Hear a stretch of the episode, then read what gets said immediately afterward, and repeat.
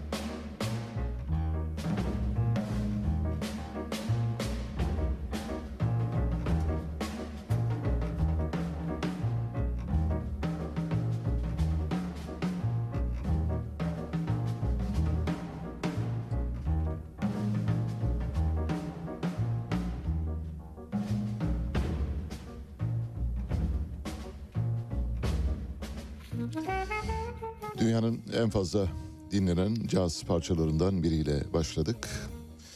Dave Brubeck Jazz Quartet Caz dörtlüsünden dinliyorsunuz şu anda Take Five. Take Five herhalde Ennio Morricone film müziklerinde neyse David Brubeck de cazda o sayılabilir. O kadar olağanüstü bir yap- ya- yapımcı ve olağanüstü bir potansiyeli var. Çok yaratıcı ve çok üretken kendisi. Tam adıyla söylemek gerekirse David Warren Brubeck kendisini 2012 yılında kaybettik. Connecticut doğumlu. Amerikalı bir caz piyanisti ve bestecisi. David Brubeck kuartetinin tabi elbette lideri kendisi. Kariyeri boyunca çok sayıda ölçüyü denedi. 7 bölü 4'lük ölçülerle çaldı. Mesela World's Faire'de 13'e 4'lük ölçüyle çaldı. Blue Rondo alla Turca'da 9-8'lik bir ölçü kullandı. Kilise müzikleri de yaptı aynı zamanda. Hafif böyle mütedeyyin bir aileden geliyor. Charlie Brown'un televizyon dizileri için de ayrıca müzikler yaptı. Take Five şu anda dinlediğiniz parça aslında David Brubeck'e mal edilmekle birlikte aslında parçanın bestesi Paul Desmond'a ait. Paul Desmond grubun alto saksafoncusuydu. Gruptan ayrıldı. Yaygın bir yanlış bilinmeden dolayı da herkes bu parçayı ya da bu müziği Take Five'ı David Brubeck'in parçası olarak bilirler. Ama biz hakkını teslim edelim. Sezar'ın hakkı Sezar'a. Paul Desmond'ın bestesi. Ve Time Out'taki Paul Desmond'la birlikte çaldıkları, ilk çaldıkları parçalardan bir tanesi. David Brubeck biraz karışık bir etnik kökene sahip. Epey bir karışık, epeyce kar- karmaşık. Baba tarafı İsviçreli fakat babasının anne tarafı, annesi İngiliz ve babasının babası Alman kökenlerine sahip. Kendisinin de muhtemelen bir Kızılderili soyundan olduğu tahmin ediliyor. Şu anda dinlediğiniz parçanın dışında size iki parça daha çalacağız. Caz dünyasının belki de en büyük klasiklerinden birine imza atmış olan David Brubeck. Dave Brubeck'i buradan selamlıyoruz. Ve kendi parçalarını onların terennüm ettiği parçayı da göğün yedinci katına gönderiyoruz. Başlıyoruz. Sporla başlayacağız. Ee, Dünya Kupası'nda ne olup bittiğinin her gün bir dökümünü yapıyoruz bildiğiniz gibi. 25 Aralık'ta oynanan, e, 25 e, Kasım'da oynanan maçlara bakalım önce. 25 Kasım itibariyle Galler'le İran karşı karşıya geldi ve bu maçın galibi İran oldu. Sürpriz, önemli sürprizlerden bir tanesi 2-0 müthiş bir maç oynadılar İranlılar. Katar'la Senegal bir araya geldi. Katar bir yenilgi daha aldı. Senegal 3-1 Katar'ı yendi ev sahibi Katar'ı. Hollanda ile Ekvador karşılaştı. Beraberlikle sonuçlandı 1-1. Orada bir sürpriz yok ama Ekvador çok güçlü bir ekip olduğunu gösteriyor, kanıtlıyor. İngiltere ile Amerika Birleşik Devletleri karşılaştı. 0-0 bitti. İngiltere'nin açık ara galip gelebileceği tahmin edilen bir maçtı ama olmadı maalesef. Belki de günün önemli maçlarından e, bir tanesi. Tunus'ta Avustralya maçıydı. Bir sürpriz olmadı ama Tunus çok iyi mücadele etti. 1-0 Avustralya'nın galibiyetiyle sonuçlandı. Suudi Arabistan yenilgi aldı maalesef. Polonya karşısında 2-0 yenildi. Suudi Arabistan milli takımının teknik direktörü Hervé Renard bildiğiniz gibi ilk maçta Arjantin'i darmadağın etmişti. Arjantin'le maça çıkmadan önce de buraya piknik yapmaya gelmedik. Elbette Arjantin'i yeneceğiz demişti. Yendi. Fakat Polonya biraz dişine göre değildi anladığım kadarıyla. Çok büyük bir varlık gösteremedi ama yine de kupada hala Suudi Arabistan'ın şansı var. Yani gruplardan çıkabilmesi için daha önünde bir miktar yol var. Fransa ile Danimarka karşı karşıya geldi. Fransa Danimarka'yı 2-1 yendi. Burada sürpriz yok. Arjantin ile Meksika karşılaştı. Burada da sürpriz yok. Arjantin Meksika'yı 2-0 yendi.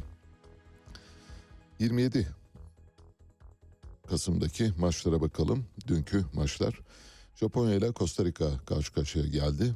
Costa Rica Japonya'yı yendi 1-0. Bu da sürpriz maçlardan bir tanesi. Asıl günün belki de en büyük sürprizi ve olaylı sürprizlerden bir tanesi Belçika ile Fas maçı. Fas 2-0 Belçika'yı yendi.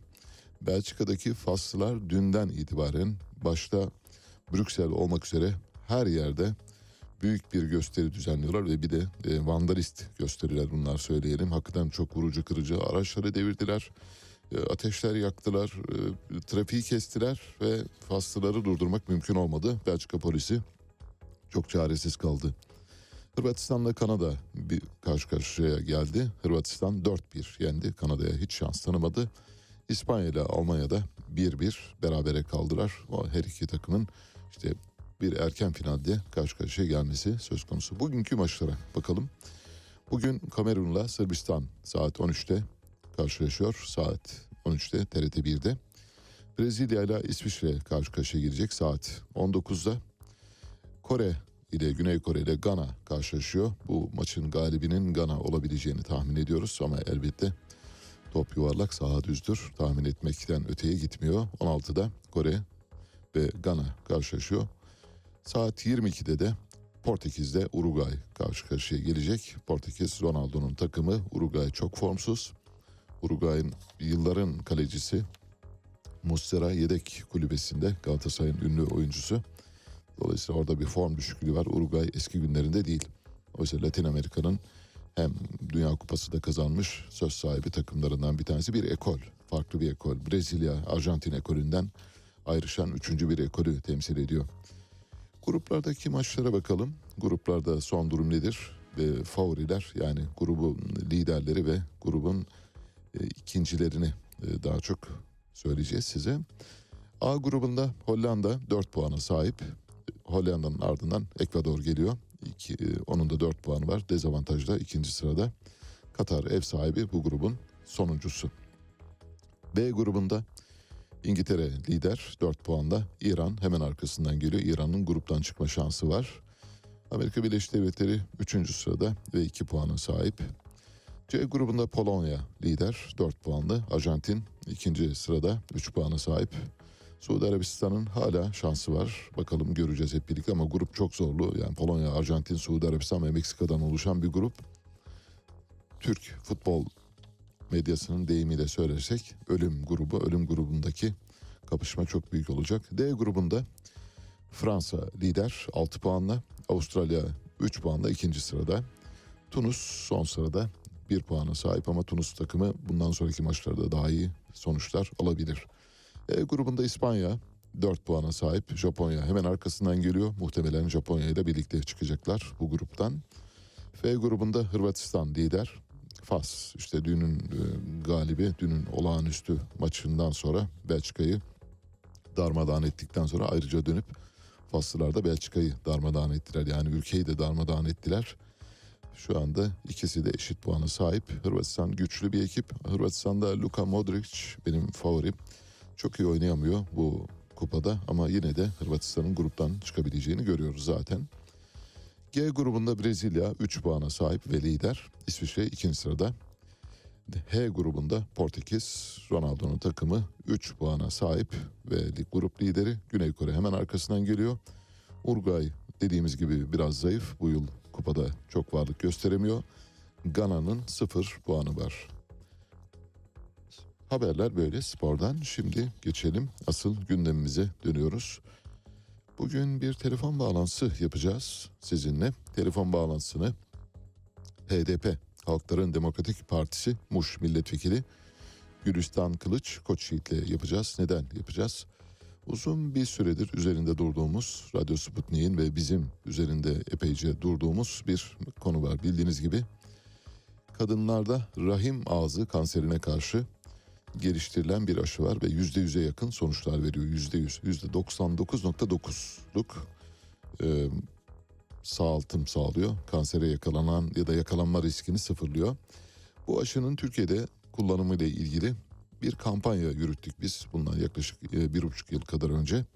Aşının kadınlara 9 yaşından itibaren erken blue döneminden itibaren yapılması gerektiğini ve bunun zorunlu olması gerektiğini söyledik. İki doz, iki doz aşı mutlak surette kansere karşı koruyor ama sadece bildiğiniz gibi cuma günü de paylaştık.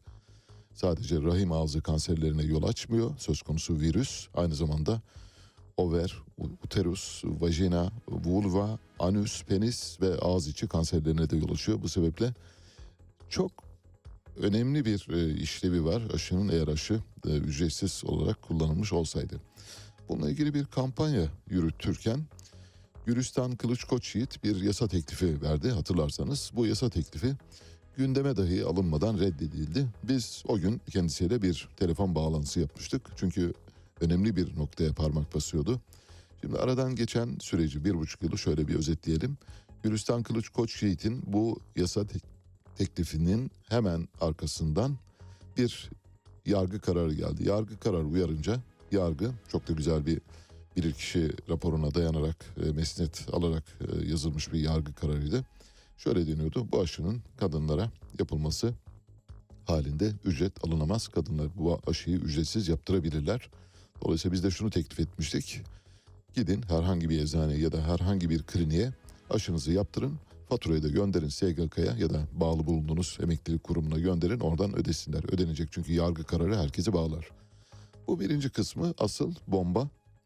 Hani derler ya sabrın sonu selamettir ya da sabırla koruk helva olur. İşte Sağlık Bakanı Cuma günü bir açıklama yaptı. Cumartesi günü.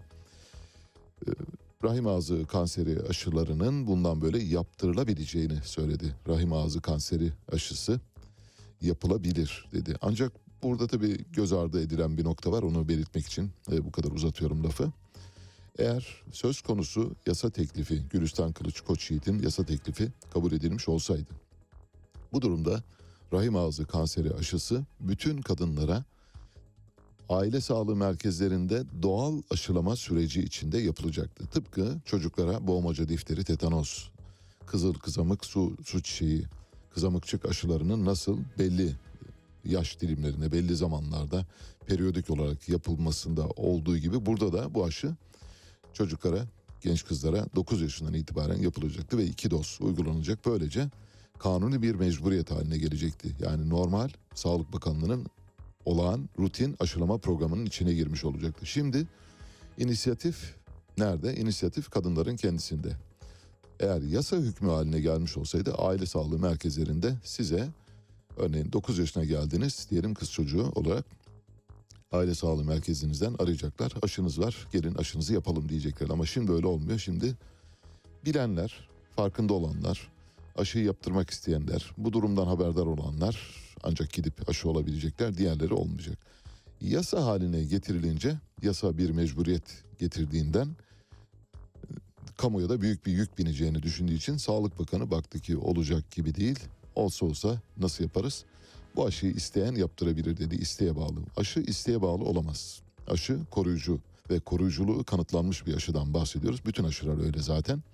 Koruyuculuğu kanıtlanmış bir aşı eğer gündemdeyse onun zorunlu olarak yapılması lazım ve bu zorunlulukta halk sağlığı çerçevesinde ele alınmalı. Herkes ücretsiz bu aşıdan yararlanmalı ama şimdi bilenler, durumun farkında olanlar ya da farkındalık sayesinde bu işten haberdar olanlar yaptıracak, diğerleri yine yaptıramayacak bir kamu sağlığı problemi olarak önümüzde duruyor. Her neyse bu meselede bizim de karınca kararınca bir katkımız var.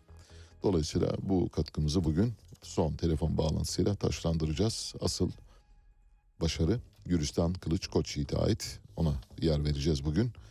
Eczacıların da bu konuda büyük çabaları oldu. Onları da elbette bu işe katmak isteriz ama birinciliği biz e, bir milletvekiline veriyoruz. Milletvekili gerçek anlamda kamu sağlığı sorununu gördü ve o şeyden hareket ederek bu aşının zorunlu hale getirmesini istedi. Olmadı ama ileride zorunlu hale de gelebilir. Şimdilik böyle idare edeceksiniz. Ama buradan dinleyen dinlemeyen bütün kadınlara seslenelim. Artık rahim ağzı kanseri aşısını istediğiniz yerde istediğiniz zaman yaptırabilirsiniz. Herhangi bir ücret ödemek zorunda değilsiniz. %99.9 koruyuculuk sağlıyor. Sadece kendinizi değil aynı zamanda partnerlerinizi, eşlerinizi, sevgililerinizi, kocalarınızı da korumuş olursunuz. Çünkü aynı virüs onlarda da bu tür hastalıklara yol açıyor. Bunu cuma günü paylaşmıştık. Böylece bu bahsi de kapatıyoruz. Yargıtay %25'ten fazla olacak şekilde zamlı kira ödeyen kiracıların dava açarak ödedikleri kiranın %25'lik artışın üzerindeki kısmını geri alabileceğini hükmetti. Bir yargı kararı iştihat niteliğinde herkesi bağlıyor. Eğer ev kiranızı %25'ten fazla artırmışsa ev sahibi hemen başvuruyorsunuz ve o %25'ten fazla olan kısmını alıyorsunuz. Herkesi bu konuda duyarlı olmaya davet ediyoruz. Ayrıca enflasyonla mücadelede de önemli bir şey. Biz de burada vatandaşlık görevimizi yapıyoruz. Yani vatandaşlık görevimizi enflasyonla mücadeleye adamış bir yayına e, katkıda bulunmaya çalışıyoruz. Çok tartışmalı bir mesele var. Bildiğiniz gibi madeni paralar, Türk madeni parası, Türk lirası. O 5 kuruşlar zaten piyasada yok. 1 kuruş uzunca bir süredir yok. 5 kuruş kayboldu, 10 kuruş kayboldu. 25 kuruşu bulabilene aşk olsun. 50 kuruş e, neredeyse piyasada yok gibi. 1 lira kaldı elimizde madeni para olarak. Şimdi 1 liralık madeni paranın değerinin 3 lira olduğu yani maliyetinin 3 lira olduğuna dair haberler çıktı. Bunu Darphane yalanladı bu haberi. Şöyle dedi Darphane'nin açıklamasında. Şimdi Darphane'nin doğru söyleyip söylemediğini birazdan anlatmaya çalışacağım size. Önce tabii Darphane'nin cevabını hatırlatmak istiyorum. Son günlerde kamuoyunda ifade edildiği gibi 1 liranın üretim değerinin 3 lira olduğu beyanı kesinlikle yalan ve gerçek dışıdır. Şimdi yalan ve gerçek dışı diyor. Bakın yalan ve gerçek dışı olmadığını size birazdan kanıtlayacağız. Hatta daha da pahalı olduğunu da kanıtlamaya çalışacağız. 1 liranın bir defa ham madde maliyeti nikelden yapılıyor. Ağırlık olarak nikel bakırdan yapılıyor. Ham madde olarak yani darphaneye girerken henüz daha sikke olarak basılmamışken yani basılmaya girerken 1 liranın maliyeti 1.2 lira. Teknik hesabı yapıldı. O bakımdan darphanenin açıklaması doğru değil. Bu bir. İki, darphanenin bu konudaki açıklamasında şöyle bir husus da var. Diyor ki bu çerçevede kamuoyunda ifade edildiği üzere 1 liranın üretim değerinin 3 lira olduğu beyanının kesinlikle yalan ve gerçek dışı olduğunu bildiriyoruz. Bu tür asılsız beyanlar dikkate alınmamalıdır. Ayrıca üretimi yapılan madeni paraların ne şekilde üretileceği ve nasıl üretileceği konuları 1264 sayılı kanunla düzenleme altına alınmıştır. Ayrıca madeni paralar 32 sayılı Türk parasının kıymetini koruma tebdiyle de korunmaktadır gibi böyle bir sürü laf söylemişler. Bunları tabii yasak savunma kabilinden e, sözler gibi düşünün. Gerçek ortada e, açıkça ayan beyan sırıtıyor. Mesela Bursa'da bir millet parkı var. Millet Parkı'nın sarı altın yaldızlı gibi görünüm veren bir e, metalden dökülmüş pirinç bu. Pirinçten dökülmüş ve parlatılmış pirinçten dökülmüş bir yazısı var. Bursa Millet Bahçesi diye. Bir süre önce iki kişi bu millet bahçesinin içindeki harflerden birini çaldı. Milletin M'sini çaldılar. Millet oldu illet. O ayrı bir şey onu saymıyorum ama milletin M'sini çalıp 52 liraya satmışlar. Bir harften bahsediyor. Şimdi bu harf tunçtan yapılmış durumda. Pirinç, pirinçten yapılmış durumda ve 52 liraya satılıyor. Demek ki maden piyasası o kadar yüksek ki nikel, kurşun, tunç, bakır ve diğer e, krom gibi madenlerden bahsediyoruz. Bu 52 liraya satılabiliyorsa bir harf sadece paranın da 1 liradan daha fazla mal olduğu ortada. Dolayısıyla darphanenin açıklaması gerçekleri yansıtmıyor. Paramız pul oldu. Bu durumda yapılması gereken bir şey var. Maden paraları eskilerini tamamen kaldıracaksınız. Zaten 5 liranın altında hiçbir şey yok. Türkiye'de 5 liranın altında. 5 lira kağıt parayla devam edelim. Madeni paramız da varsın olmayı versin. Millet birbirine para üstü vereceği zaman üzerine sakız verir, başka bir şey verir. Zaten bu çok yaygın bir uygulamaydı. Öyle gider diye düşünüyoruz. AK Parti ve Milliyetçi Hareket Partisi başörtüsüyle ilgili anayasa değişiklik teklifini ertelediler. İki partiden ayrı ayrı yapılan açıklamalarda aciliyeti yok, ortam uygun hale gelince bakarız denildi. Başörtüsü meselesinin neden geri plana itildiğini anlıyoruz. Kemal Kılıçdaroğlu bu konuyu ele alınca Kemal Kılıçdaroğlu'na mal olmaması için ve bir de parlamentoda başörtüsünün anayasa referandumuna götürülmesiyle ilgili oy nisabına ulaşılamayacağını düşündükleri için çünkü orada diğer partilerin oyuna da ihtiyaçları var. Hatta HDP'nin de oyuna ihtiyaçları var. Bu yüzden girmeyelim bu işe dediler ve vazgeçtiler. Şimdilik başörtüsü buzdolabına kaldırmış durumda derin dondurucuda. Tarihin derin dondurucusu arada bir açılıyor. Oradan o tür malzemeler çıkarılıyor. Bir gün geldiğinde, günü geldiğinde denilecek ki biz başörtüsünü yeniden gündeme getiriyoruz. Buzdolabından çıkaracaklar. Ne zaman çıkar? İhtiyaç olduğu zaman çıkar. Halkın ihtiyacı her zaman evet başörtüsü bir vecibe gereği takılıyor. Yine inanç gereği takılıyor. O zaman kadınların böyle bir hakkı var. Madem yapacaksınız o zaman çıkarın yapın. Hayır yapmıyorsunuz çünkü zorlanacaksınız. Zorlanacağı için de şimdilik ertelenmiş durumda. Doğu Perinçek Erdoğan ve Bahçeli ile Türkiye'yi yöneteceğiz dedi. Bir fotoğrafı da var böyle çok şen şakrak bir fotoğrafı var Doğu Perinçek'in. Bildiğiniz gibi Cumhur İttifakı'nın küçük üyesi ve geçtiğimiz günlerde kongresini yaptı Vatan Partisi. Vatan Partisi kongresine hem Rusya Federasyonu Büyükelçiliğinden hem Çin Cumhuriyeti Büyükelçiliğinden, Çin Halk Cumhuriyeti Büyükelçiliğinden yetkililer katıldı. Büyükelçi ve konsolos seviyesinde katılımdan bahsediyoruz. Doğu Perinçek'in partisi Vatan Partisi'ne Rusya'nın ve Çin'in büyük bir ilgisi var.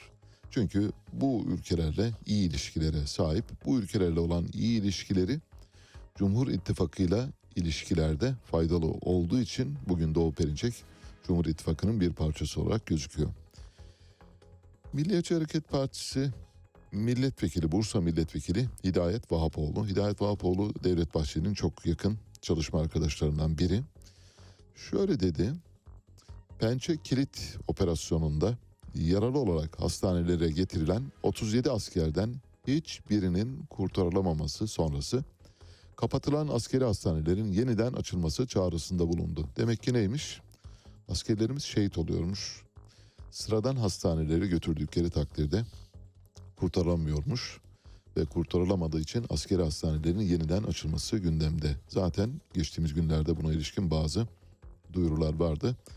Askeri hastanelerin yanı sıra Kuleli Askeri Lisesi'nin de açılması söz konusu. Böylece eskiye dönüş oluyor. Neden açtık neden kapattık diye sorarsanız vallahi orası bizce meşhur. Evet küçük bir dış politika haberi var ama küçük ama çok büyük bence. Yani dünya için büyük, İran için çok küçük bir adım.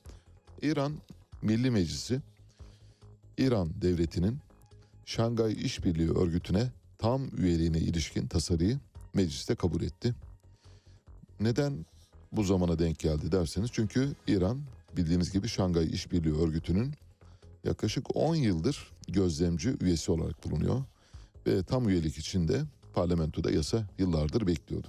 Yasa yıllardır beklerken birdenbire ansızın İran meclisinde acaba neden gündeme geldi derseniz evet bildiniz. Hani İlya Ehrenburg'un Paris Düşerken diye bir kitabı vardır okuduysanız. Paris'in düşüşünü anlatıyor müthiş olağanüstü çok güzeldir. İyi bir kroniktir yani tarihsel olarak da çok e, önemli ipuçlarını barındırıyor. Paris düşerken bu Ayetullah düşerken. Ayetullah düşerken neye sarılıyor? Şangay İşbirliği Örgütü'ne sarılıyor. Belki buraya sarılırsam buradan kurtarırım diye düşünüyor.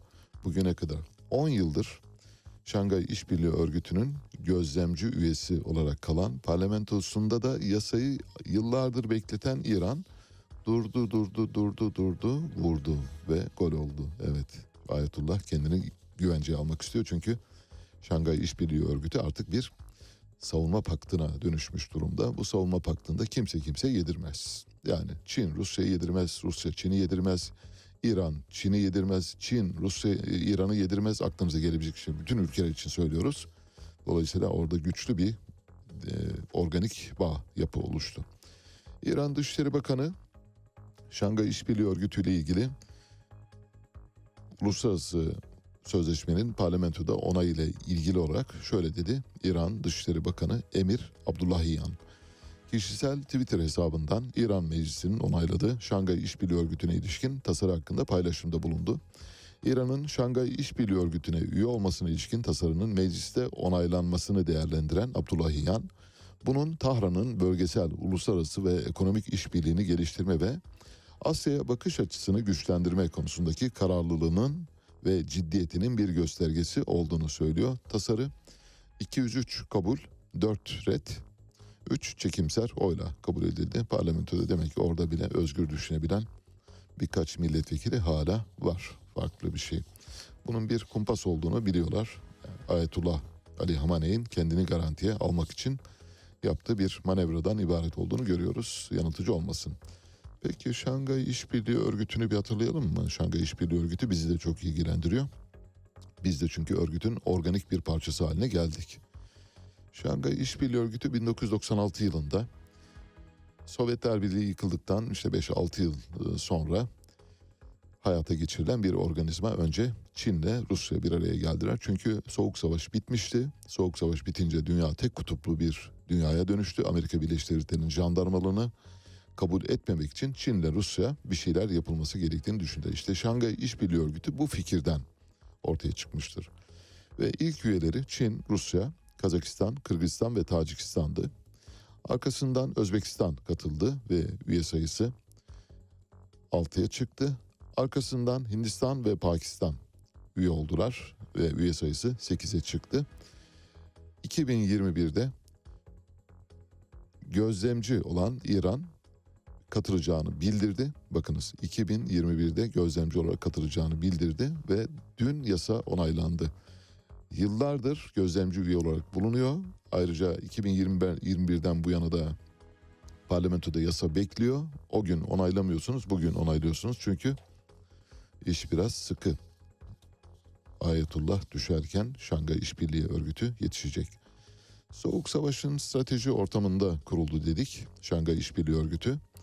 Amerika tek güç olarak siyaset sahnesine çıkınca Çin Halk Cumhuriyeti bir denge unsuru olması bakımından Rusya'ya bir defne dalı uzattı. Birlikte hareket edelim iyi komşuluk ilişkileriyle hem doğalgaz, petrol ticaretini daha güçlü hale getiririz dediler hem de dayanışma halinde oluruz. İki gücün bir araya gelmesi durumunda elbette Amerika bundan biraz korkacak, çekinecektir dediler ve 1997'de Yan Zemin'in Moskova ziyareti sırasında bir ortak bildiri yayımlandı. İki ülke liderleri dünyada en çok çok kutupluluğun bu kadar ihtiyaç haline geldiği bir dönemde böylesi bir kutba ihtiyaç olduğunu bildirerek Şangay İşbirliği Örgütü'nü faal hale getirdiler. Üyeleri bir kez daha hatırlayalım. Çin, Rusya, İran, Kazakistan, Kırgızistan, Özbekistan, Pakistan ve Tacikistan. Doğal üyeleri bunlar. Bugün itibariyle İran'da doğal üyeler arasına katıldı. Dolayısıyla 9 üyesi var. Gözlemci ülkeler şunlar. Afganistan, Belarus ve Moğolistan. Bunların her an üye olması söz konusu ancak Rusya, Belarus'un biraz dışarıda durması gerektiğini düşünün. Moğolistan'da Çin'in hükümranlık alanı içinde olduğu için o da orada kalması gerekiyor. Afganistan şu anda ortada. Amerika Birleşik Devletleri çıktıktan sonra Rusya ya da Çin'in Afganistan'a nasıl bir yaklaşımla bakacakları belli değil. O bakımdan bu üç ülke gözlemci statüsünde. Diyalog ortakları var. Şangay İşbirliği Örgütü'nün yani ileride aday olması beklenen, üye olması beklenen ülkeler. Bunlar Azerbaycan, Ermenistan, Kamboçya, Nepal, Sri Lanka ve bildiğiniz Türkiye. Diyalog ortağı. Yakın zamanda değilse bile çok uzak olmayan bir vade içinde Türkiye Şangay İşbirliği Örgütü'nün üyesi olacak. Eğer Azerbaycan, Ermenistan, Kamboçya, Nepal, Sri Lanka gibi ülkelerden biri daha önce davranıp girmezse Şangay İşbirliği Örgütü'nü dışarıdan destekleyen gruplar var. Bunlardan bir tanesi ASEAN, Asya Ekonomik İşbirliği Teşkilatı destekliyor, destekçisi. BDT, Rusya'nın başını çektiği Bağımsız Devletler Topluluğu ve Türkmenistan. Türkmenistan bildiğiniz gibi İkinci Dünya Savaşı'ndan sonra Sovyetler dağıldıktan sonra özellikle bağımsızlık ve bağlantısızlık statüsünü korumak isteyen bir ülke. Kendisini tıpkı bir nevi Avrupa'nın ortasındaki İsviçre gibi görüyor. İsviçre'de bildiğiniz gibi sürekli tarafsızlık ve yansızlık politikası izler. Türkmenistan'da böyle bir politika izliyor ama tabii Türkmenistan'da demokrasinin D'si olmadığı için bağımsızlığın B'si çok önemli değil. Hazırsanız evde kuru soğan patates var mı? Stokladınız mı yeterince? Stoklamadıysanız geç kaldınız. Çünkü dün itibariyle fotoğrafı da var arkadaşlarımız paylaşacak. Marketlerde kuru soğan 20 liraya çıktı. Kuru soğan 20 lira. Bildiğiniz kuru soğan. Evet. Yani böyle yumruğunuza vurup eziyorsunuz ya. Onun arasına sumak falan döküp yiyorsunuz ya. Artık yemeyeceksiniz. Çok özür diliyoruz ama maalesef 20 liraya çıktı. Patates de öyle. Cuma günü bildirmiştik. Hatırlarsanız cuma günkü haberlerimizde vermiştik. Patates ve kuru soğanın ihracatına kısıtlama getirildi. Neden? Çünkü kıtlık geliyor. İşte 20 liraya çıktı. Yarın öbür gün patates, soğan altın fiyatına bundan sonra altın fiyatına gelecek. Bir Squid Game diye oyun var bildiğiniz gibi. Netflix'in en çok izlenen dizilerinden bir tanesi Squid Game. Squid Game'in oyuncularından biri bir Güney Koreli oyuncu Yeong-su. Yeong-su cinsel tacizle suçlanıyor. Yeong-su cinsel tacizle suçlanınca dizinin de popülaritesi bir an için arttı. Sonra yavaş yavaş dizinin vizyondan ufak ufak et elini eteğini çekebileceğine dair haberler dolaşmaya başladı. Squid Game önemli bir dizi. Yani Netflix belki de bugüne kadar yaptığı House of Cards dışında önemli dizilerden bir tanesi. House of Cards'ın hikayesiyle Squid Game'in hikayesi birbirine biraz benziyor. Nereden benziyor? Squid Game'de karakterler biraz böyle Güney Kore ülkesinin e, varlık ve beka sorunu haline gelmiş durumda. Oyun biraz tehlikeli. 2021 e, 17 Eylül 2021'de dünya çapında bir Koreli film şirketi tarafından yapıldı. İşin içinde Amerikalılar var ve finansal borç içinde olan 456 oyuncu katılıyor. Toplamda 456 oyuncusu var Squid Game'in ve bu oyuna katılanlar 45.6 milyar wonluk bir ödülü kazanabilmek için bir ölümcül oyun oynuyorlar. Bir ölüm oyunu oynuyorlar. Won Güney Kore para birimi bildiğiniz gibi ve hayatlarını riske atıyorlar. Dizinin adı benzer şekilde adlandırılmış bir Kore çocuk oyunundan alınmış ve Squid Game dünya çapında 2021 itibariyle Netflix'in en çok izlenen dizisi oldu. Nasıl? House of Cards Netflix'in en çok izlenen dizisiyken birdenbire ne oldu? Ana karakter Space, Kevin Spacey öldü. Rol gereği öldürüldü ve Kevin Spacey diziden çekildi. Senaryo yazımından eline eteğini çekti. Çünkü Amerika Birleşik Devletleri ve Beyaz Saray açısından bir tehdit haline gelmişti House of Cards. Çünkü Beyaz Saray'daki sergilenen her şeyi bütün çıplaklığıyla, bütün şeffaflığıyla ortaya koyuyordu dizi. Öyle ki Beyaz Saray'da cinayet var, gasp var, yolsuzluk var, usulsüzlük var, ensest var, cinsel taciz var, tecavüz var, her şey var. Bütün bunların olduğu bir yer Beyaz Saray olamaz dediler. O yüzden diziye bir ayar verdi. Şimdi o dizi ayara çekildi. Ve tabii izleyicisi azaldı. Şimdi aynı şey Squid Game için de geçerli. Şu anda 94 ülkede en çok izlenen program konumunda. 142 milyon insan izledi. 18 plus olarak izleniyor. Yani ekrana çıktığı zaman 18 plus işaretini görüyorsunuz. 18 yaşından küçükler için aşırı şiddet içerdiği sebebiyle bu uyarıyla giriliyor. Tabii 18 yaşın altındaki pek çok kimse izliyor o ayrı ama böylesi bir uyarı var. Çok tehlikeli bir dizi olduğunu söyleyelim. Şimdi dizinin baş karakterlerinden birinin cinsel tacizle suçlandığı hikayeyi duyduğunuz zaman tıpkı Kevin Spacey'ye yönelik cinsel taciz. İşte 17 yaşında bir kızın çıkıp 17 yaşımdayken bana Kevin Spacey cinsel tacizde bulunmuştu diye ortaya attığı iddia arkasından bir başkası bir başkası daha 3-4 ayrı yerden gelince Kevin Spacey'e de tasını tarağını toplamak ve gitmek düştü. Şimdi aynı şey Squid Game'in başına gelmiş durumda. İki sebepten dolayı olabiliyor. Bir Güney Kore açısından bu e, önlenemez bir duruma yol açıyordu ve Güney Kore'nin imajıyla ilgili problem yaratıyordu. Bu yüzden bu bir. iki bir de çok fazla izlendiği için diğer dizileri yapanlar Squid Game'in eteğinden çektiler aşağıya doğru. Şu anda Squid Game aşağı doğru gidiyor.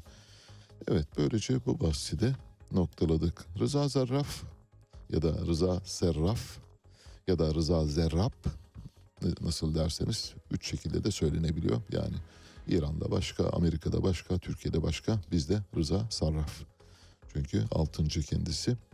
Rıza Sarraf Amerika'da şöyle bir açıklamada bulundu. Gayri resmi bir açıklama ama bu söyleyelim. Yani kanıtlanmış değil, teyit edilmiş bir açıklamada değil. Fakat doğru olabilir. Elindeki ses kayıtlarını, belgeleri ve dekontları paylaşacağını açıkladı. Onucum şenlik var. Şimdi dekontlar saçılacak ortaya. Dekontlar saçıldığı zaman da Türk medyasındaki bir takım namus timsali gazeteciler ortaya çıkacaklar böylece. Eğer açıklarsa umarız açıklar ve büyük bir arınmaya yol açar diye düşünüyoruz. Bir arınmaya yol açmak derken Türkiye'de arınmanın bize çok çok uzak olduğunu görüyoruz maalesef. İyi Parti Genel Başkanı Meral Akşener'e bir ziyaret sırasında Giresun ziyareti sırasında bir öğretmen kendisine bir demet çiçek verdi. Mustafa Dizdar öğretmenin adı. Çiçek verilir verilmez ortalık karıştı. Mustafa Dizdar hakkında bir soruşturma başlatıldı. Bir müfettiş gönderildi ve müfettiş Mustafa Dizdar'a ceza verdi. Fakat Mustafa Dizdar yeni bir öğretmen olduğu için, yeni öğretmen olduğu için memuriyetin en son kademesinden başlıyor. Yeni öğretmenler yani en son kademeden başlatırsınız. Dolayısıyla ceza verirken en son kademede olduğu için kademe düşürme cezası verilemediğinden ne yapıldı? Mustafa Dizdar'a denildi ki sana başka bir ceza verelim. Kademe indirme cezası veremiyoruz. Maaş kesme cezası. Mustafa Dizdar kendisiyle ilgili durumu medyayla paylaştı. Muhtemelen artık devlet memurluğundan da uzaklaşacaktır, bırakmak zorunda kalacaktır. Çünkü bu açıklamadan sonra artık e, devlet memurlarının demeç vermesiyle ilgili yasayı da ihlal ettiği için ya çiçek vererek zaten bir şeyleri ihlal etmiş belli öyle diyorlar. Bir de demeç vererek ayrıca ihlal ettin ki demeç vermenin bir karşılığı vardır yasada onu söyleyelim. Ama çiçek vermenin bir ihlal anlamına gelmediğini biliyoruz. O tamamen kişiye, kime verdiğinize bağlı. Eğer başka birine vermiş olsaydı muhtemelen başına böyle bir şey gelmezdi. Müfettişe verdiği ifadeden sonra şöyle dedi. Tırnak içi ifadelerini okuyacağım. E, lütfen dikkatle dinleyiniz. Bir öğretmenin dramı aslında bu. Bu devlet memurluğunda ilk defa karşılaştığım bir durum dedi. Miting düzenleneceğini görünce bekledik. İnsanlar çiçek veriyordu. Ben de kendisine çiçek vermek istedim. Meral Akşener'den bahsediyor. O da kabul etti sağ olsun. Açıkçası ben de çok mutlu oldum. Okulların açıldığı ilk gündü. Çocuklarla karşılaşma heyecanı yaşayacakken ilçe Milli Eğitim Müdürlüğü'nün odasına müfettiş beni çağırdı. Okul müdürlüğüne bile söylememişler. İnsan tedirgin oluyor. Gittim ve odaya girer girmez müfettiş Mustafa Dizdar sen misin dedi. Sorusunu onayladığım an bak dedi ben seni hiç tanımam. Ama bugünü hiç unutamayacaksın. Müfettiş tehdit ediyor. Bakar mısınız öğretmeni ceza verecek ve tehdit ediyor. Seni hiç tanımam ama bugünü hiç unutamayacaksın. Mafya raconu kesiyor. Müfettiş okulda bir öğretmene ilişkin çiçek veren bir öğretmene racon kesiyor. Mafya raconu kesiyor. Müfettiş. Milli Eğitim Bakanlığı'nda oluyor bunlar. Sebebini sordum diyor Mustafa Dizdar. Okulun açıldığı ilk günde sana müfettiş geliyor. Bundan güzeli var mı diyor müfettiş şimdi de ironi yapıyor, alay ediyor. Bak evladım sevinsene sana müfettiş geliyor okulun ilk günü. Sosyal medyamda siyasi paylaşımlar yaptığıma dair iddialarda bulundu. Söylediği sosyal medyaları kullanmadığımı dile getirdim. Bakın nasıl palavra, nasıl nasıl kara düzen bir soruşturma yürüyor. Yani bir şeyle suçlayacaksınız. Suçlamaya başlamadan önce bir araştırmanız lazım. Sosyal medyanızda paylaşımlar yaptınız diyor. Diyor ki benim sosyal medyam yok. Çiçek vermişim. E, çiçek için çağırıyorsanız tamam evet onu konuşalım demeye getiriyor. Sonra videoları gösteriyor. Yani sosyal medyada yokum sosyal medyam yok deyince videoları gösteriyor müfettiş bey.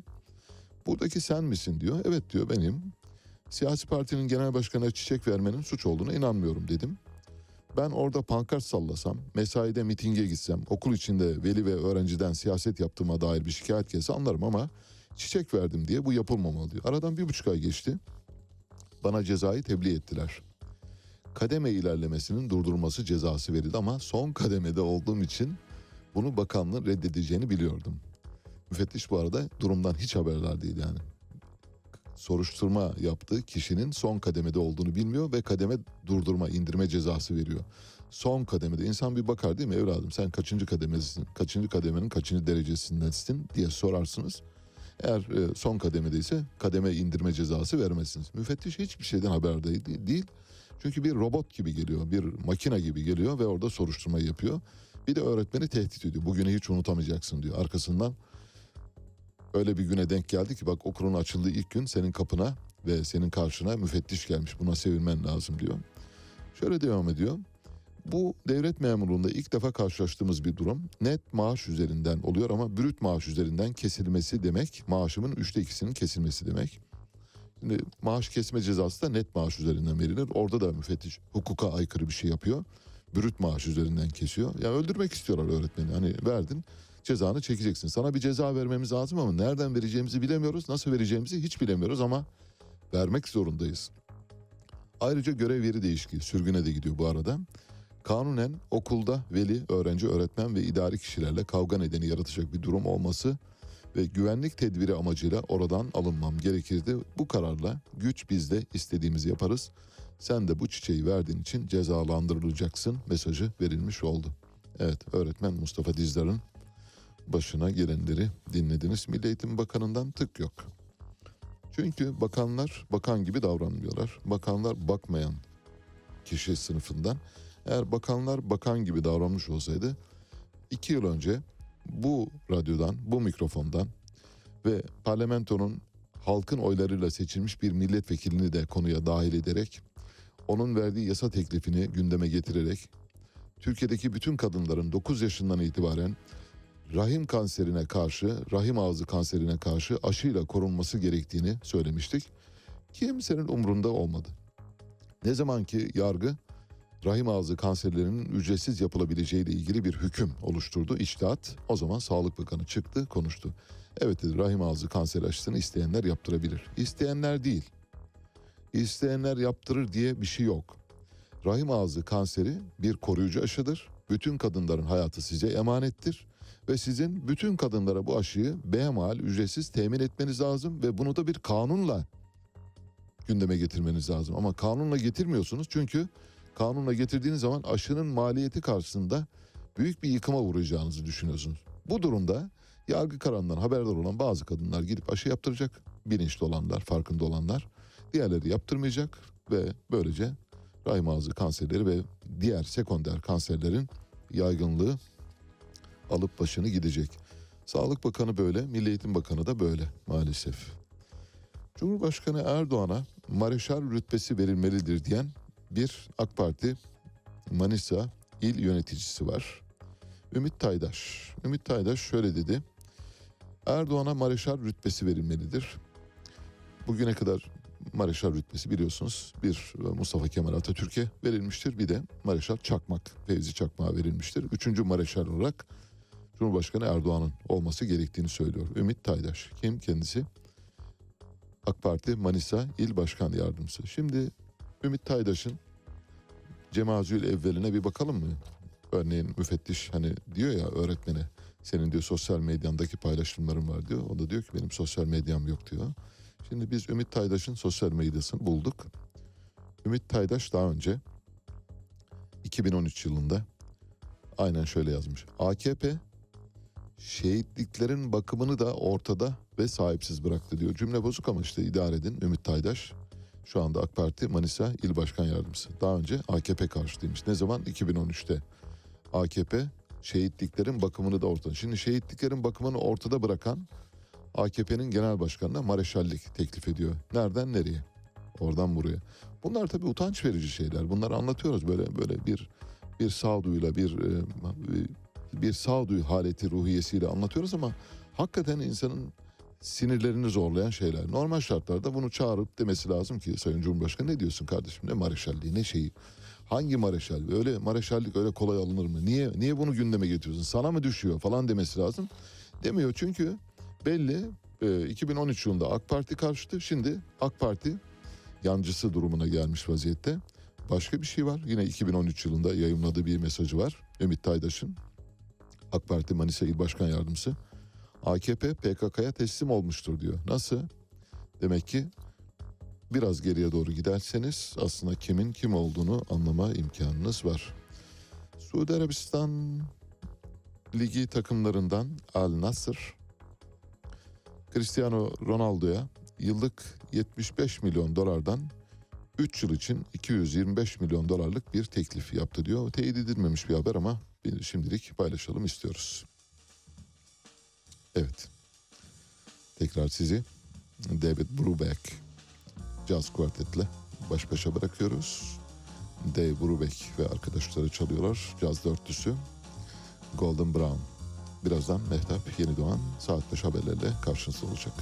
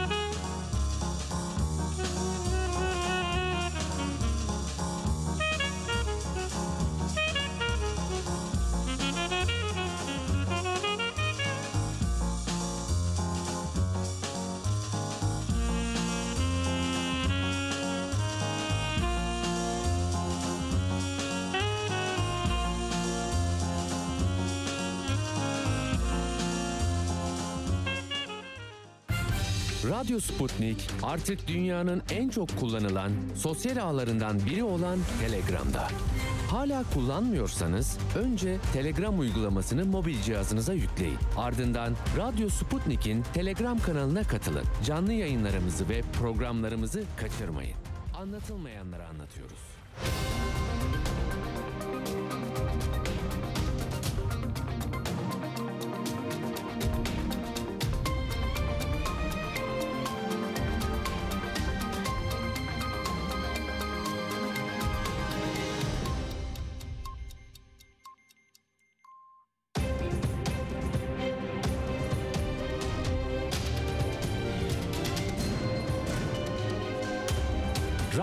Sputnik. Anlatılmayanları anlatıyoruz. Saat 8 İstanbul stüdyolarından gündemden gelişmeleri aktarıyoruz. Ben Mehtap Yeni Doğan. Önce özetler. Göztepe Altay maçı çıkan olaylar nedeniyle ertelendi. Saldırıya uğrayan kaleci ve taraftar tedaviye alındı. 21 kişi yakalandı. AK Partililerin İstanbul buluşması dün gerçekleşti. Cumhurbaşkanı Erdoğan bir kez daha Suriye ile ilişkilerde yeni bir sayfa açılabileceği mesajı verdi. Ayrıntılar birazdan.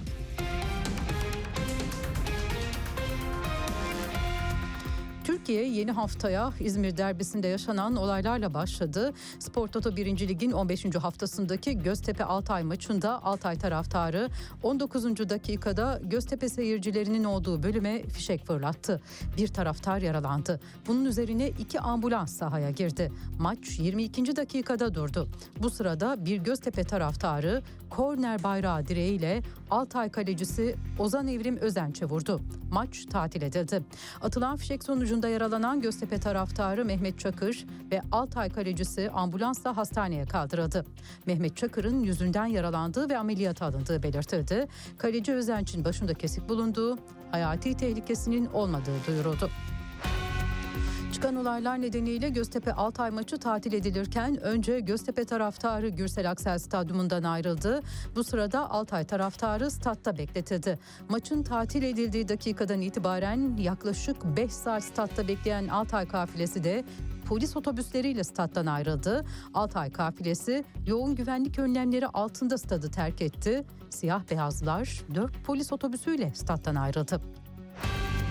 Güvenlik güçleri Göztepe tribünlerine fişek atan kişiyi tespit etmek için çalışma başlattı. Stat kameraları, sosyal medya görüntüleri ve basının kaydettiği görüntüler toplandı.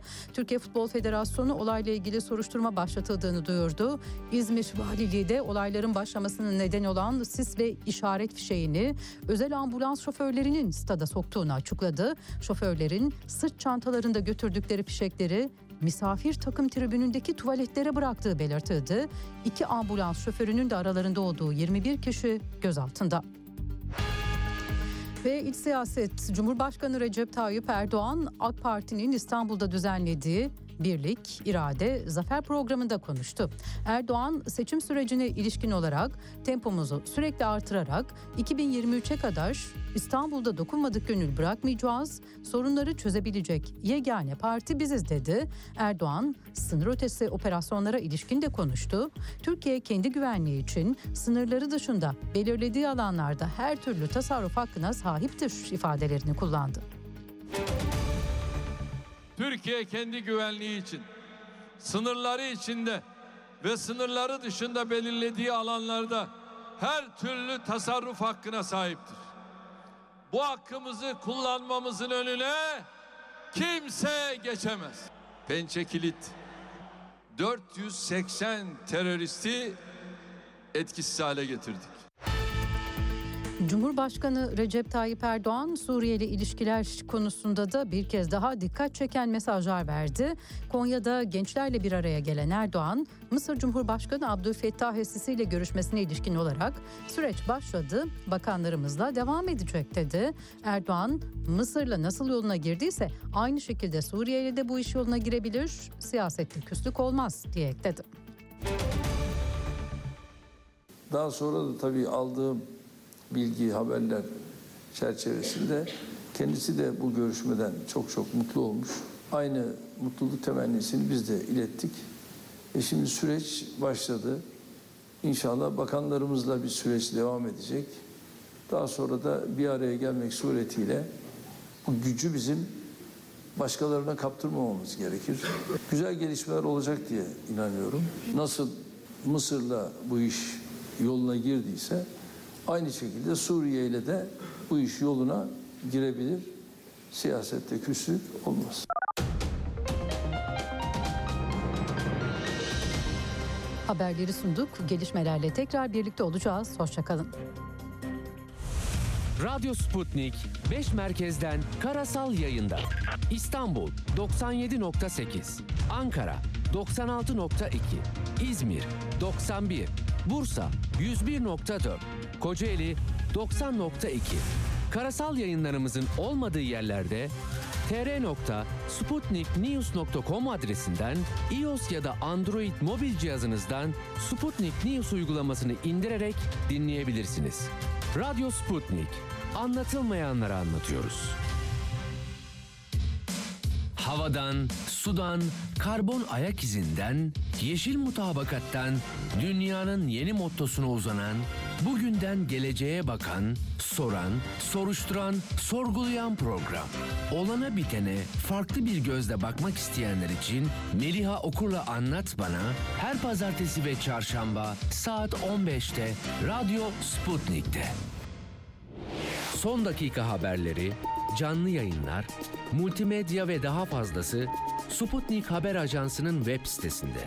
Dünyanın küçük bir parçasını değil, tamamını anlamak istiyorsanız sputniknews.com.tr'yi tıklayın, habersiz kalmayın. Radyo Sputnik artık dünyanın en çok kullanılan sosyal ağlarından biri olan Telegram'da. Hala kullanmıyorsanız önce Telegram uygulamasını mobil cihazınıza yükleyin. Ardından Radyo Sputnik'in Telegram kanalına katılın. Canlı yayınlarımızı ve programlarımızı kaçırmayın. Anlatılmayanları anlatıyoruz. Güne erken başlayanların, gündemi ıskalamayanların, siyasetin, ekonominin, sanatın, kısacası hayatın seyrini kaçırmayanların programı. Ali Çağatay'la Seyir Hali hafta içi her sabah 7'den 9'a Radyo Sputnik'te. Evet, yeniden birlikteyiz. Şimdi bir sahte doktor haberi var. Türkiye'yi çalkalayan sahte doktor haberini konuşacağız. Bütün boyutlarına bakacağız. Epey bir çok yönlü bakmaya gayret edeceğiz. Mesele sadece sahte bir doktorun etrafında ortaya çıkan gelişme midir yoksa aslında Türkiye bir sahte mesleklerden oluşan bir cennete mi dönüşmüştür? Buna da bakacağız. Bildiğiniz gibi Çerkezköy Devlet Hastanesi'nde e, diploması olmadığı halde ve yaşı da çok genç olduğu halde yani o yaşta bir kişinin hekim olup ameliyat yapabilmesi bir- biraz üzerinde düşünülmesi gereken bir şey. Ayşe Özkiraz adında bir e, hanımefendi e, ameliyat masasında çekilmiş e, fotoğrafları da var, görüntüleri var. Şöyle dedi, sahte olduğu, daha doğrusu diplomasının olmadığı ortaya çıkınca, yakalanınca ailemin güvenini sarsmamak için evde sorun olmasın diye anneme, üvey babama ve üvey kardeşlerime Çapa Tıp Fakültesini kazandığımı söyledim diyor. Yakalandıktan sonra Ayşe Özkiraz'ın, Ayşem Özkiraz'ın epey bir kişi tarafından da ödüllendirildiğini görüyoruz. Mesela bunlardan bir tanesi Profesör Doktor Tufan Tükek. Kendisi dekan ve Ayşem Özkiraz'a bir plaket vermiş, başarı plaketi vermiş. Aynen şöyle. Genç meslektaşım İstanbul Tıp Fakültesini dönem birincisi olarak bitirmeniz dolayısıyla tebrik eder. Başarılarınızın devamını dilerim diye. Orada bir imla şeyi de var yani özensiz yazılmış bir plaketten bahsediyoruz. Dekan dönem birincisi. Bu tabii dekanın verdiği bir plaket midir? Kendi kendine yazdırdığı bir plaket midir? Onu bilmiyoruz ama işi çok boyutuyla yani sahtekarlığı ve sahteciliği bütün boyutlarıyla düşünmüş. Ona göre hareket etmiş. Çok sayıda kimlik kartı var. Bu arada Ayşem Özkiraz'ın pek çok kurumdan alınmış, pek çok yerden alınmış kimlik kartları Doktor Ayşem Özkiraz diye dönem birincisi olduğunu söylüyor. İddiaya göre Ayşem Özkiraz'ın yakalanması ya da ele e, kendini ele vermesi bir e, hasta e, velisinin dikkatiyle ortaya çıkmış. Güya ben çok ihtimal vermiyorum böyle bir yolla yakalandığını ama bir iddia olarak paylaşılıyor. Bir hasta yakını çocuğunun bir sınav sorusunu getirmiş Ayşem Özkiraz'a bunu çözebilir misiniz demiş. Çözememiş güya.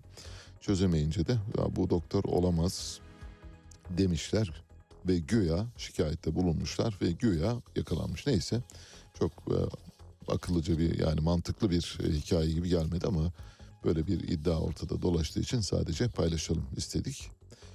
Açıklama yapan vali var, Tekirdağ valisi. Diyor ki e, kendisi hiçbir operasyona girmemiştir diyor. Şimdi vali doğrudan yalanlama yoluna giriyor. Ameliyat fotoğrafları var, paylaştık. Siz de bu şu anda ekranda eğer e, Telegram'dan izliyorsanız oradan görme şansınız var. Ameliyat başında çekilmiş çok sayıda fotoğrafı var. Birden çok fotoğrafı var. Ama valilik hiçbir operasyona girmemiştir diye açıklama yaparak doğrudan red yolunu gösteriyor. Bu ilk değil tabii. Geçmişte mesela bir makine mühendisi ve ODTÜ'yü bitirdiğini iddia eden bir makine mühendisi ODTÜ mezunları derneğinde bir briefing veriyor. Orada da işte ODTÜ mezunu çok sayıda insan kendisini dinliyor. Dinlemeye giderken acaba gerçekten mühendis mi, Orta Doğu Teknik Üniversitesi mezunu mu diye soruşturmuyor kimse. Yani işte birileri konuşuyor gidip bakalım dönüyor. Buna ilişkin başka sahtecilik örnekleri de var. Geçmişte Nuriye Kalkmaz adında bir e, genç kız Hacettepe Tıp Fakültesini kazandım diye sosyal medyada epey bir viral oldu. Sonra Hacettepe Tıp'ı kazanmadığı ortaya çıktı ama e, medyada adım adım gezdi. Bütün televizyonları neredeyse dolaştı. Bir, birinci oldu yani hikayesi dolayısıyla böyle çok yoksul bir aileden gelip e, varlıklı e, bir insana dönüşmesi ya da iyi bir mesleğe kavuşmuş olması ya da iyi bir mesleğe kavuşacak olması günlerce konuşulmuştu. Şimdi eğitim sistemimiz tabii bize öyle şeyler sunuyor ki bu sunduğu şeylerin başında eğitim sisteminin yerlerde sürünmesi geliyor. Sivas Cumhuriyet Üniversitesi'nde Çağdaş Türk Lehçeleri ve Edebiyatı bölümünü kazanan bir öğrenci toplam 200 soruluk TYT ve AYT sınavlarında eksi net yaptı. Şöyle netlerine bir baktım. Türkçe'de eksi 3 neti var. Sosyalde, sosyal bilgilerde eksi 1.3 neti var. AYT, TD'de eksi 1 neti var. Tarihte eksi 1.3 neti var. Coğrafyada eksi 1.3 neti var. Din dersinde de eksi 0.8 neti var. Artısı olan bir iki ders var o kadar ama neredeyse 200'ün tamamında eksi net yapmış. Doktor Ayşem Özkiraz hikayesi bize biraz geçmişi hatırlatıyor. Kemal Sunal'ın meşhur Doktor Civanım diye bir filmi var bilirsiniz. Kemal Sunal'ın bu Doktor Civanım filminden bir bölümü kestik. Yani upuzun bir filmdi. Oradan böyle işte hani şurası güzel diye kestiğimiz bir bölüm var. Bakalım o, onu nereyi kesmiş. Canım anam benim. Şükür kavuşturana doktor oğlum, aslan oğlum. Ay hiç dayanamam ağlarım valla. Ne haber kız? İyilik doktor bey. Kız bu kılığın ne? Ne bu hali senin? Ne arıyorsun bu motosikletin üstünde? Sana ne? Sana hesap mı vereceğim? Vereceksin elbet. Bugüne bugün sözlü müsün? Tabii doğru söylüyor. Oo, Gafur kardeşim. Ağalar, merhaba. Hoş gelmişsiniz. Çok özlemişim seni. Maşallah ayı gibi olmuşsun. Senin sözdün demek. Ha, Boğuluyordu derede ben kurtardım. ya. Vallahi başka bir şey olmadı. Yalnız kurtardım. Değil mi kız? Evet dedi.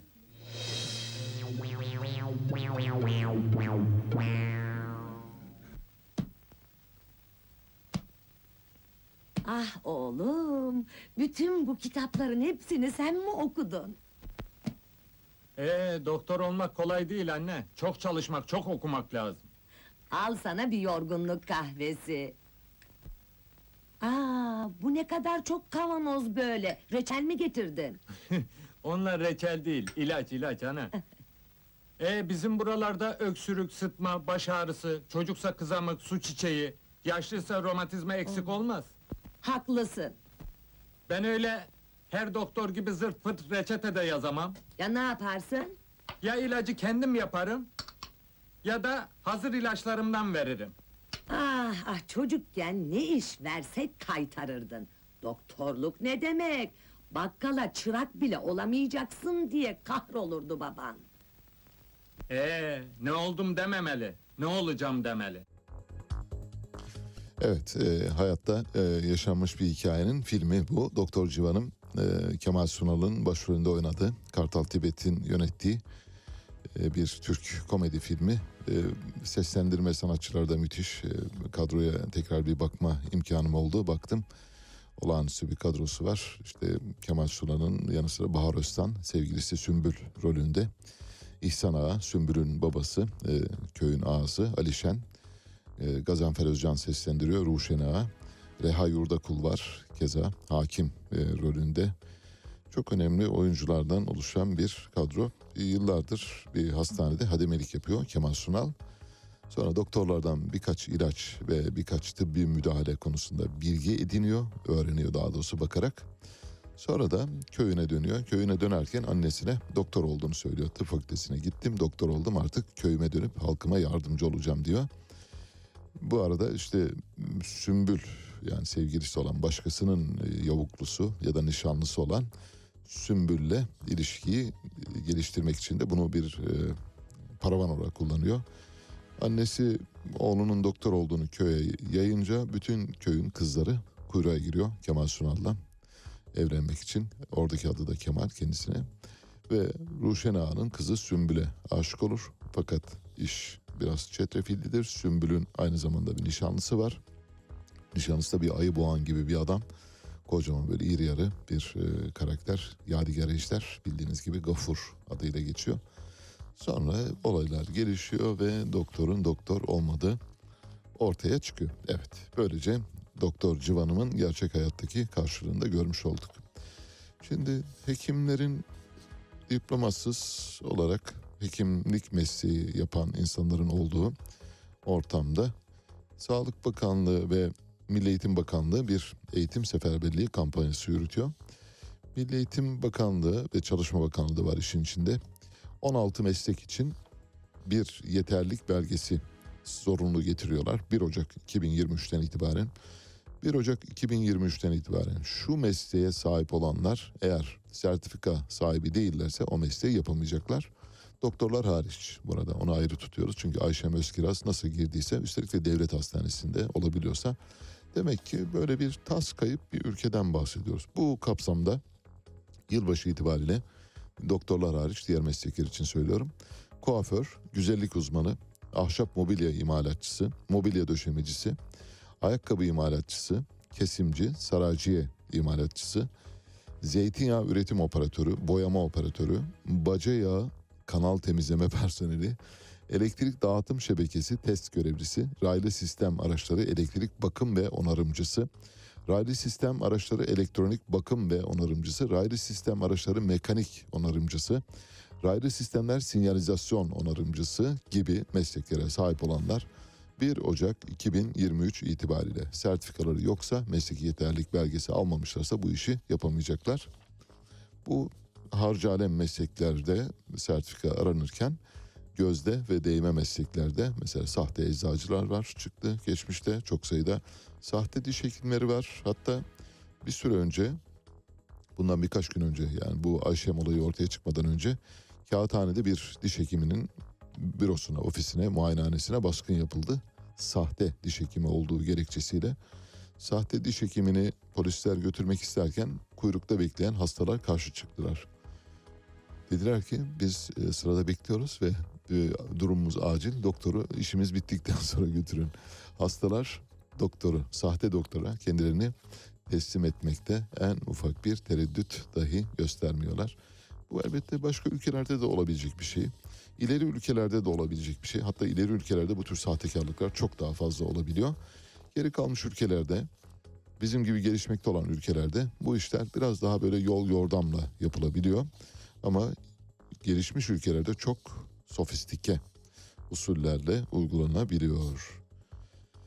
Ekvator Ginesi Devlet Başkanı Teodoro Obiang Nugeyama Mbasago yeniden devlet başkanı seçildi. %94.9 oy aldı ve Teodoro Obiang 43 yıldır devlet başkanlığı görevini yapıyordu. Son seçimde de halkın %98'inin katıldığı yüksek katılımlı bir seçim oldu ve %98'inin katıldığı halkın %94 oyların %94'ünü aldı ve 43. yıla bir 7 yıl daha ilave etti. Şu anda ömrü el verirse, sağlığı el verirse 7 yıl daha Ekvator Ginesi'nin başında olacak. 50 yıla tamamlamış olacak. Böylece 50 yılın sonunda e, Teodoro Obiang muhtemelen dünyada en fazla süre iktidarda kalan diktatör unvanını kazanmış olacak. Diktatör diyoruz çünkü seçimleri tamamen göstermelik yapıyor.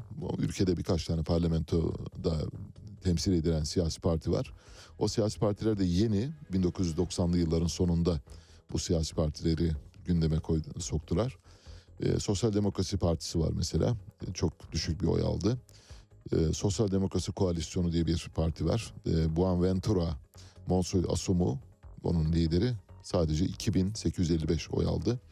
Diğer adaylar işte sıfır yani Doğu Perinçek seviyesinde oylar alar, alarak seçimi tamamladılar.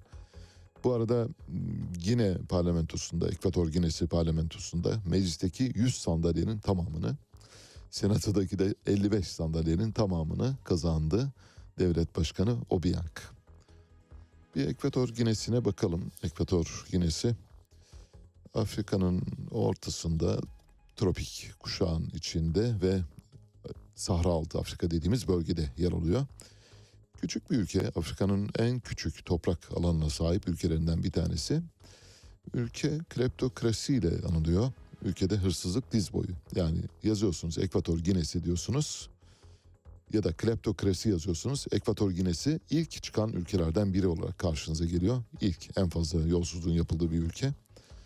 Ve yozlaşmış bir sisteme sahip. 91 yılında yapılan bir anayasa değişikliğiyle devlet başkanının 7 yılda bir seçilmesi esaslı getirildi. Daha önce 5 yılda bir yapılıyordu. Devlet başkanı muhtemelen Obiang çok yorulduğu için 7 yılda bir yapılmasını istedi. 5 yılda bir olmadı. Olmasını istemedi. Devlet başkanı aynı zamanda başbakan Obiang. Aynı zamanda yargı mensuplarını atıyor. Bütün yargı organlarının başkanlarını Ayrıca silahlı kuvvetlerinde başkomutanı kendisi. Şimdi ülkenin resmi olarak 2500 kişilik bir ordusu var. Küçük bir ülke. Bu 2500 kişilik ordu tabi darbe yapabilecek güce sahip değil. Bildiğiniz gibi bir ekonomik tetikçinin itiraflarında John Perkins'in dört bölümden oluşan dizilerini sizinle paylaştık yorumlayarak orada şöyle diyor. Bir ülkenin ordusu güçlüyse büyük güçler yani mütegallibe dediğimiz yani düveli muazzama dediğimiz ülkeler o ülkenin ordusunu kullanarak siyasi iktidara karşı darbe yaptırabiliyorlar. Ordu zayıfsa bizatihi Amerika Birleşik Devletleri kendisi gelip oturuyor. Irak'ta olduğu gibi ya da Libya'da olduğu gibi. Ama ordu çok sağlamsa Türkiye gibi mesela çok sağlam bir ordusu var. Orduya bir emir geliyor bir gün diyor ki hadi çocuklar vakit o vakittir devirin diyorlar ve devriliyor. Türkiye bu yüzden işte 1960'tan bu yana sürekli darbeler, muhtıralar ve e, darbe darbemsi girişimlerle karşı karşıya kalmış bir ülkedir. Amerika Birleşik Devletleri'nin yoğurt yeme biçimiyle ilgili. E, John Perkins bu durumu şöyle izah ediyor. Ülkeler arasında e, bir rol paylaşımı vardır diyor. Gelişmiş ülkeler birkaç ülkeden bahsediyor. Bunlardan bir tanesi Amerika, biri Kanada, İngiltere, Fransa, Almanya gibi ülkelerden bahsediyoruz.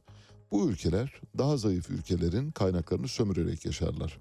Ancak kaynakları sömürürken bunu sömürü biçiminde değil, bunu uygun bir kılıf içinde, iyi bir ambalajla yapmaya çalışırlar. Bu ambalajın adı altyapı yatırımlarıdır. Altyapı nedir? Yollar, köprüler, barajlar, tüneller, e, havalimanları aklınıza gelebilecek her şey altyapıya giriyor. Ülkeye gidiyor bir grup, bir teknik heyet gidiyor. Bu genellikle Bechtel bünyesinde o, organize olmuş bir heyettir. Amerika Birleşik Devletleri adına gidebilir, şirket adına da gidebilir. Ülkeye gidiyorlar, ülkenin başbakanıyla ya da cumhurbaşkanıyla yetkili kişileriyle masaya oturuyorlar. Şöyle diyorlar, size bir paket getirdik. Bu paketi uygularsanız ülkenin büyüme hızı yüzde beş olacak diyorsunuz. Onlar da oh çok güzel diyorlar ve kabul ediyorlar. Gerçekten de ülke o model uygulandığı takdirde yani oradaki o paket uygulandığı takdirde yüzde beş büyüyor. Ancak bildiğiniz gibi büyüme ile kalkınma arasında çok temel bir fark vardır. Büyüyen her ülke kalkınamaz ama kalkınan her ülke büyüyebilir. Dolayısıyla sihirli kelime kalkınmadır. Bir ülke büyüdüğü takdirde büyü, büyürken kalkınamayabilir. Çünkü ülkenin kaynakları kalkınma gerektiren alanlara değil başka alanlara sarf edilmiştir. Örneğin ülkenin altyapı yatırımlarına ihtiyacı vardır ama en ivedi yatırım ihtiyacı eğitim ve sağlığıdır. Bunlara yatırım yaptırmıyorsunuz. Ülkeye bol bol köprü, yol, baraj, tünel, altyapı, üst yapı yatırımları yaptırıyorsunuz. Türkiye'de son 20 yılda yapılan otoyollar, duble yollar, tüneller, köprüler, viyadükler, e, barajlar ve dahi hava havalimanları bu amaçla yaptırılmıştır. Yani tetikçilerin batılı büyük ülkelerin tetikçilerinin Türkiye'ye siz bunları yaparsanız kalkınırsınız diye ortaya attıkları bir iddiadan dolayıdır ve Türkiye bu zokayı maalesef yutmuştur. O yüzden de bütün kaynaklarını çarçur etmiştir. Şu anda hem borçlu bir ülkeyiz hem de gerçek anlamda yapılması gereken yerlere yatırım yapmamış bir ülke durumundayız. Eğitimimiz yerlerde sürünüyor. Sağlık sistemimizin içinde bulunduğu durumu görüyorsunuz. Oysa kaynaklarımızı doğru yere teksif etmiş olsaydık belki bugün çok farklı bir yerde olabilirdik. Dolayısıyla tekrar başa dönüyorum. Ekvator Ginesi'ne. Ekvator Ginesi Türkiye gibi olmadığı için orada bu işi dayatmak çok kolay. Ülkenin başında 43 yıldır duran bir diktatör var. Diktatöre telefonu kaldırıyorsunuz. Şunları şunları yapın diyorsunuz. Biz size kredi vuracağız ve siz harekete geçin diyorsunuz. Diktatör de bunu yapıyor. Ordu güçsüz olduğu için diktatör üzerinden yapıyorsunuz. Diktatöre bahşişler vererek. Google'a yazdığınız zaman kleptokrasi diye yazdığınız zaman ilk çıkan ülkelerden bir tanesinin Ekvator Ginesi olduğunu hatırlatalım. Ekvator Ginesi bir e, aslında Hispanik ülke. İspanyol sömürgesi eski. İspanya ile çok iyi ilişkileri vardı fakat e, Teodoro Obiang döneminde bu ilişkiler bozuldu. Bir süre önce Teodor Obiang İspanya'ya gitti. İspanya'da ne kral e, birinci Don Juan Carlos ne de başbakan eski e, Rodriguez Zapatero kendisini kabul etmedi. Şu anda Juan Carlos da yok, Zapatero da yok, ikisi de yok. Juan Carlos da bir yolsuzluktan dolayı biliyorsunuz bırakmak zorunda kaldı. Kendisini kabul etmediler. Dolayısıyla Hispanik bir ülke olarak İspanyollar tarafından dirseklenince onlar da kendilerini Avrupa Birliği'nin kucağına attılar. Şimdi bir Alman, İspanyol, Fransız konsorsiyumu olarak yönetiliyor. Ülkedeki bütün her şeyin kararını bu üç ülkeye veriyor. Birlikte veriyorlar. Amerika Birleşik Devletleri ile de iyi ilişkilere sahip. Ama daha önemlisini söylüyorum. Bomba geliyor. Ülkedeki bütün güvenlik kurumlarını İsrailliler elinde tutuyor. Ülkedeki pasaport, güvenlik, hava ve yurt savunması dahil her şey İsrail şirketlerinin elinde. İsrail demek Amerika Birleşik Devletleri demek. Amerika Birleşik Devletleri demek de aslında sömürünün Türkçesi. Böylece 50 yıl boyunca Ekvator Gine'sini sömürmek için seçimler yapıldı ve bu seçimlerden tekrar devlet başkanı Obiang çıktı. %98'lik bir oyla. Enflasyon bir armut gibi böyle olgunlaşıp daldan düşebilecek bir data değildir dedi. Şimdi fiyatlar düzeyi belli bir seviyeye kadar ulaştığında hepimizin günlük hayatında biz ne yapıyoruz? İşte bir bardak 10 lira, yarın 15 lira oluyor, öbür gün 20 lira oluyor. Siz eskiden altılı bir bardak alırken üçlüye dönüyorsunuz, ikiliye dönüyorsunuz. Talep burada azaldığında belki enflasyonun belli bir noktada durması sonucu oluşabilir. Enflasyon bir armut değildir. Olgunlaşıp dalından düşmesini beklemeyiniz değil mi? Bunu bir e, motto olarak yazmak lazım. Evet, yeniden birlikteyiz. Devam edeceğiz. Şimdi iki ses kaydı dinleteceğiz size. Birincisi Kemal Kılıçdaroğlu'ndan. Cumhuriyet Halk Partisi Genel Başkanı her çocuğa, ilkokul çocukları için söylüyor. Bir öğün yemeği iktidara geldiğimizde vereceğiz dedi. Kemal Kılıçdaroğlu'nun bu önerisi son derece yerinde, son derece akıllıca ve çok makul ve bir ihtiyaca binaen aslında söylenmiş sözler bunlar. Bu iddiayı biz daha doğrusu bu tezi uzunca zamandır dile getiriyoruz mikrofonlarımızdan. Türkiye'de ilkokul çocukları özellikle yani ilk 8 yıldan bahsediyoruz. İlk 8 yıldaki çocuklara hadi 8 yılı veremediniz ama 5 yılına kadar olabilir.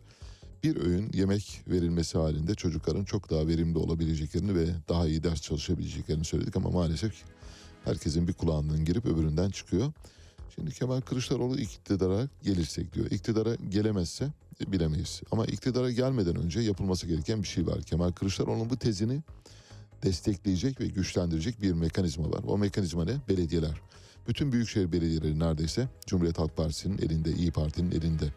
Şu anda yani herhalde herhalde ellerini tutan yok. İstanbul Büyükşehir Belediyesi İstanbul'daki okulların mesela üçte birine bir öğün yemek çıkarabilir. Ankara Belediyesi de yapabilir, İzmir'de yapabilir, Antalya'da yapabilir, Adana'da yapabilir, Mersin'de yapabilir, Muğla'da yapabilir, Aydın'da yapabilir. Hepsi yapabilir ama yapmak yok. Böylesi işte maalesef e, ne derler? Ve, ve biz söyleyip biz işitiyoruz ama Kemal Kılıçdaroğlu'nun bu tezi bence önemli üzerinde durulması lazım. İktidara gelir gelmez bu ülkenin güzel evlatlarına, tüm çocuklarımıza okullarımızda bir öğün ücretsiz yemek uygulamasını hemen hayata geçireceğiz. Ancak şu an durum acil.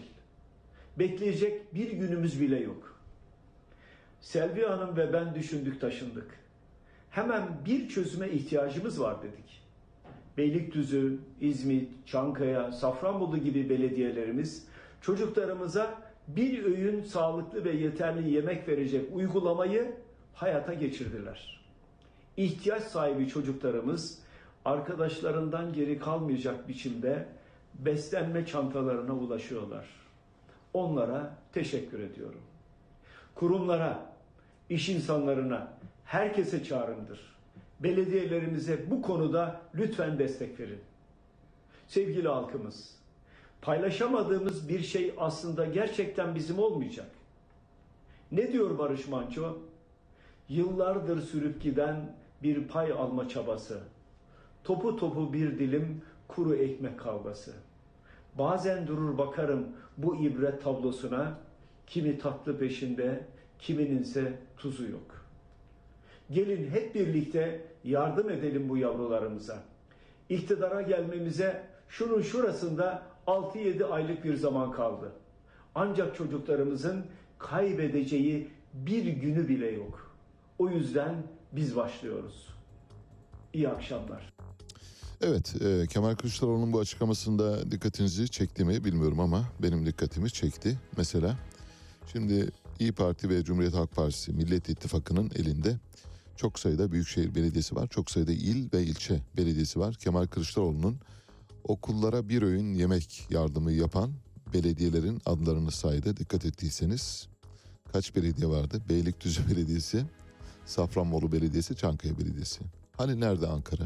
Nerede İstanbul? Nerede İzmir? Nerede Adana? Nerede Mersin? Nerede Hatay? Nerede Aydın? Nerede Muğla? diye soruyoruz. Küçük ilçelerden bah- Ankara'nın bir- birçok ilçesinde. İstanbul'da keza İstanbul'daki ilçelerin çok önemli bölümünde 13 ilçede Cumhuriyet Halk Partisi var. Hani nerede onlar? Bula bula işte bir tane Safranbolu var elimizde. Onu söyleyebiliyor. Beylikdüzü var onu söylüyor. Çankaya Belediyesi var onu söylüyor. Bütün belediyelerin şu an itibariyle seferber olması ve seçimlere kadar yani bu eğitim yılı bitinceye kadar ilkokul 1, 2, 3, 4, 5, 5. sınıflar. Sonrasına da verilebilir ama diyelim ki güçleri yetmiyor. Ama en azından ilk 5 sınıf için bir öğün yemek verilmesi için belediyelerin derhal harekete geçmesi lazım. Bu yapıldığı takdirde bırakın oy kazanmayı ama çocukların sağlığını kazanacaksınız ve çocuklarımızın geleceğini kazanacaksınız. Bunu yapabilme gücünüz var şu anda. Fakat belediye başkanları böyle kendilerini bir rüya aleminde ve sürekli külliyede görüyorlar. Hepsi külliyede yatıp külliyede kalkıyor. Ekrem İmamoğlu akşam yatıyor sabah kalkıyor. Külliyede miyiz çocuklar? Bir şöyle bir bakalım. Külliye. Bir camdan bak bakayım. Bir külliyeye gel. Külliyede miyiz? Yanlışlık olmasın. Evet. Mansur Yavaş öyle. Yani olacak şeydi. Yani bunun rüyasını görmenizin anlamı yok. Yani hiçbir anlamı yok. Bomboş hayaller peşinde koşuyorsunuz. Eğer yapacaksanız vatandaşın yararına bir şeyler işte burada gösteriyor zaten Kemal Bey. Kemal Kılıçdaroğlu yolu. Siz de çocuklara bir öğün yemek çıkarın sonra bize dileyin bizden ne dilerseniz yani canımızı bile veririz öyle söyleyelim. Adana Yüreğir Belediyesi'ne ait bir cenaze aracındaki 4 tabutun içinde net 5 kilo 810 gram esrar ele geçirildi. Tutuklanan ve belediye ile ilişiği kesildiği belirtilen cenaze aracı şoförü hakkındaki yargılama sürüyor. Şimdi haber bu değil. Haberin ne olduğunu birazdan söyleyeceğim size. Operasyon yapılıyor. İşte bir yerde durduruluyor. Böyle bir nefes kesen operasyon biçiminde Ceyhan Otobanı'nda D100 karayolunun girişinde araç görülüyor takip edilmeye başlanıyor. Mercimek Mahallesi'nde bir adreste duruyor 30 dakika duruyor. Sonra oradan başka bir yere hareket ediyor. Sonra bir polis uygulama noktasında şak durduruluyor ve cenaze aracının e, kapıları açılıyor. Sonra da usulüne uygun olarak savcılıktan arama izni isteniyor ve savcı arama iznini veriyor açıyorlar. Bakıyorlar ki ne var? E, bir hayli bir e, eroin ve esrar maddesi var. Ayrıca metamfetamin yapımında kullanılan bazı kimyasalların da olduğu görülüyor. Şimdi diyeceksiniz ki bu haberin neresi ilginç? Çok ilginç bence. Bu haber bir yıllık. Geçen yıl Aralık ayında olmuş olay. Biz ne zaman öğreniyoruz? Bu yılın Aralık ayına girmek üzereyiz. Öğreniyoruz bir yıl sonra. Peki bir yıl önce bu operasyon yapılmış mı? Evet yapılmış. Biraz önce Ceyhan Otobanı'nın D400 karayolu girişinde görüldüğü takip edildi. Orada yarım saat bekledi. Sonra tekrar başka bir yere doğru hareket etti. Sonra polis noktasında ansızın durdurdu. Savcıdan arama izni alındı falan gibi böyle polisiye hikayeler yazıyorsunuz ya haberlerde. Bu Türk medyasının maalesef olaylara ne kadar Fransız kaldığını gösteriyor. Bir yıl önce olmuş olayı soruşturma açılıp yargılama başladıktan iddianame kabul edildikten sonra Türk medyası öğreniyor. İşte bu. İçinde bulunduğumuz durumun adı budur. Türkiye'de haber alma hakkı neredeyse sıfır. Haber alma hakkı sıfır olduğu için Türk medyası 17 kilo eroinin bir cenaze aracında yakalandığına dair haberi bir yıl sonra kamuoyuyla paylaşabiliyor. Allah'tan paylaşabildik. Allah'tan soruşturma açılmış. Soruşturma hiç açılmayabilirdi. Bu meselenin üstü olduğu gibi kapatılabilirdi. Bu meselenin üstü kapatılamamış. Neden kapatılamamış sizce? Bildiniz paylaşmamış.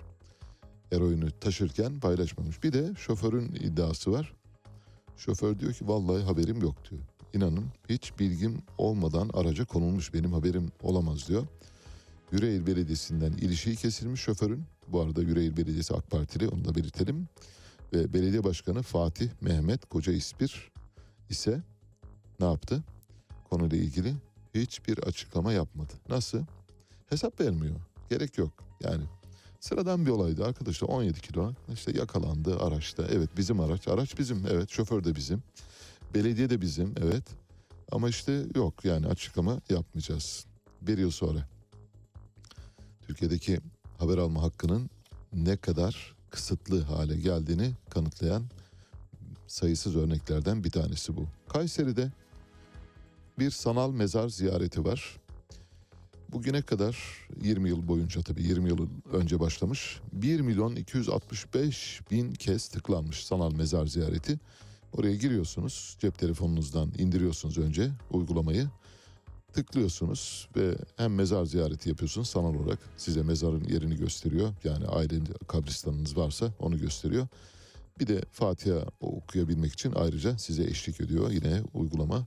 Böylesine bir şeyden bahsediyoruz. Fena mı, kötü mü, iyi mi karar veremedim ama en azından halkın e, ibadetinin ya da inançlarının gereğini yerine getirmeleri için uygulama başladım. Üstelik de 20 yıl önce. Acun Ilıcalı'nın TV8'inde ya da TV8'inde bir yeni dizi var. Bildiğiniz gibi Tuzak.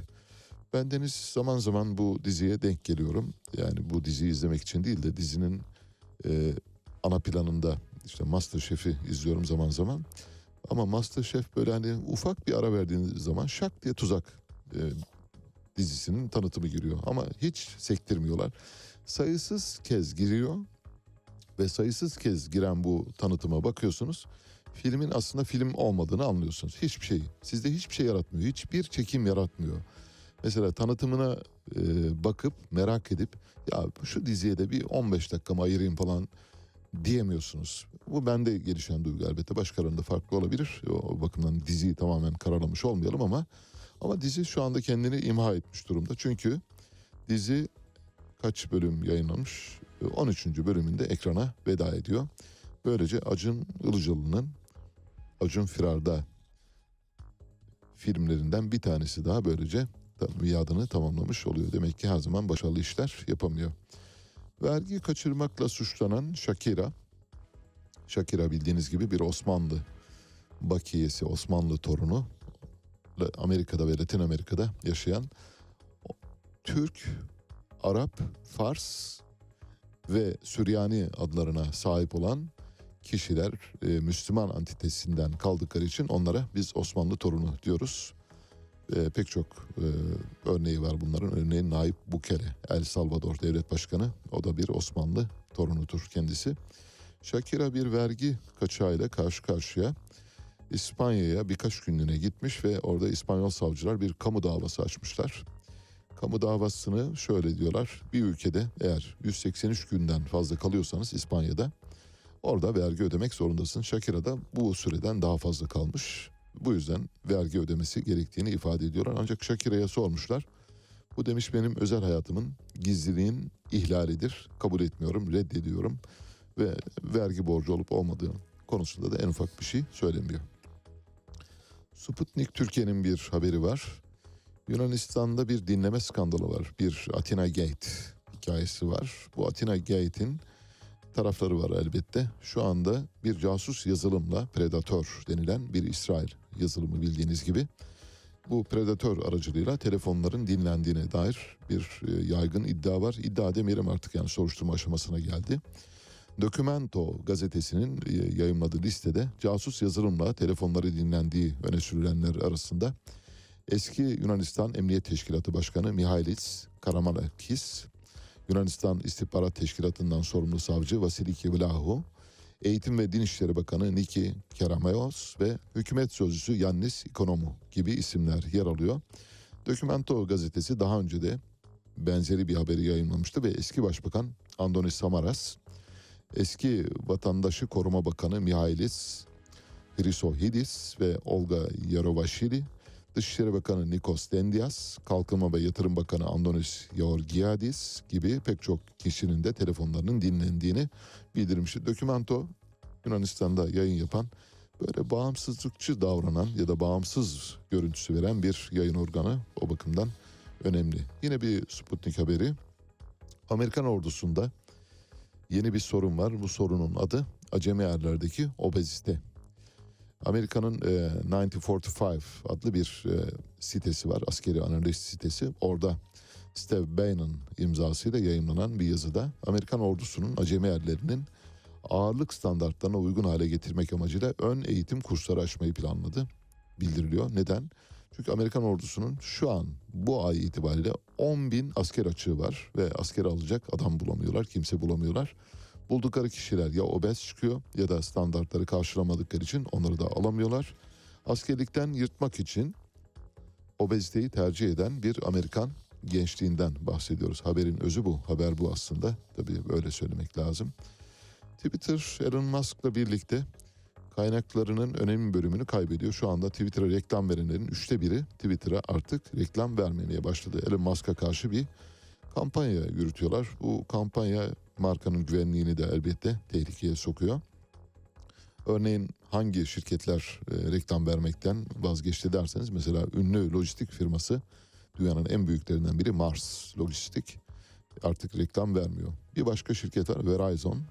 Verizon da artık reklam vermeyeceğini ifade etti. Merck ilaç firması o da vermiyor. Sıkı durun esaslı bir firma geliyor. Elon Musk'tan reklamlarını çeken Kellogg. Kellogg gevrekleri bildiğiniz gibi mısır ve buğday gevrekleri yapıyor. Pirinç gevrekleri de yapıyor ayrıca. Dünyanın neresinde bir Kellogg gevreği satılıyorsa biliniz ki o Amerikan Kellogg ürünüdür. Amerikan Kellogg ürününün sahibi kim? Amerika'daki 7. gün Adventist Kilisesi'nin rahibi, baş rahibi olan kişi Kellogg'un sahibidir aynı zamanda.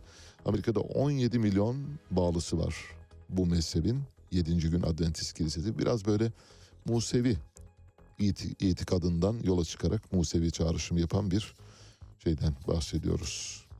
Ee, mezhepten bahsediyoruz. Kellogg da böylece ilişiğini kesmiş durumda Twitter'dan. Peki geldik telefon bağlantısı saatimize.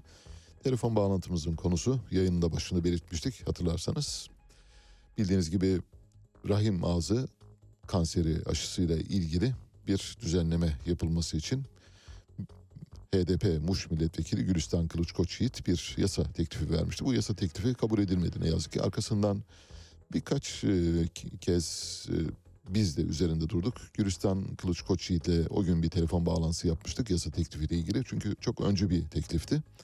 Ancak aradan geçen zaman içinde bu konuda bir ilerleme sağlanmadı. En son ne oldu? Bir yargı kararı çıktı. Yargı kararı uyarınca kadınlar istedikleri takdirde bu aşıyı yaptırabilip gidip karşılığında parasını Sosyal Güvenlik Kurumu'ndan alabilecekler.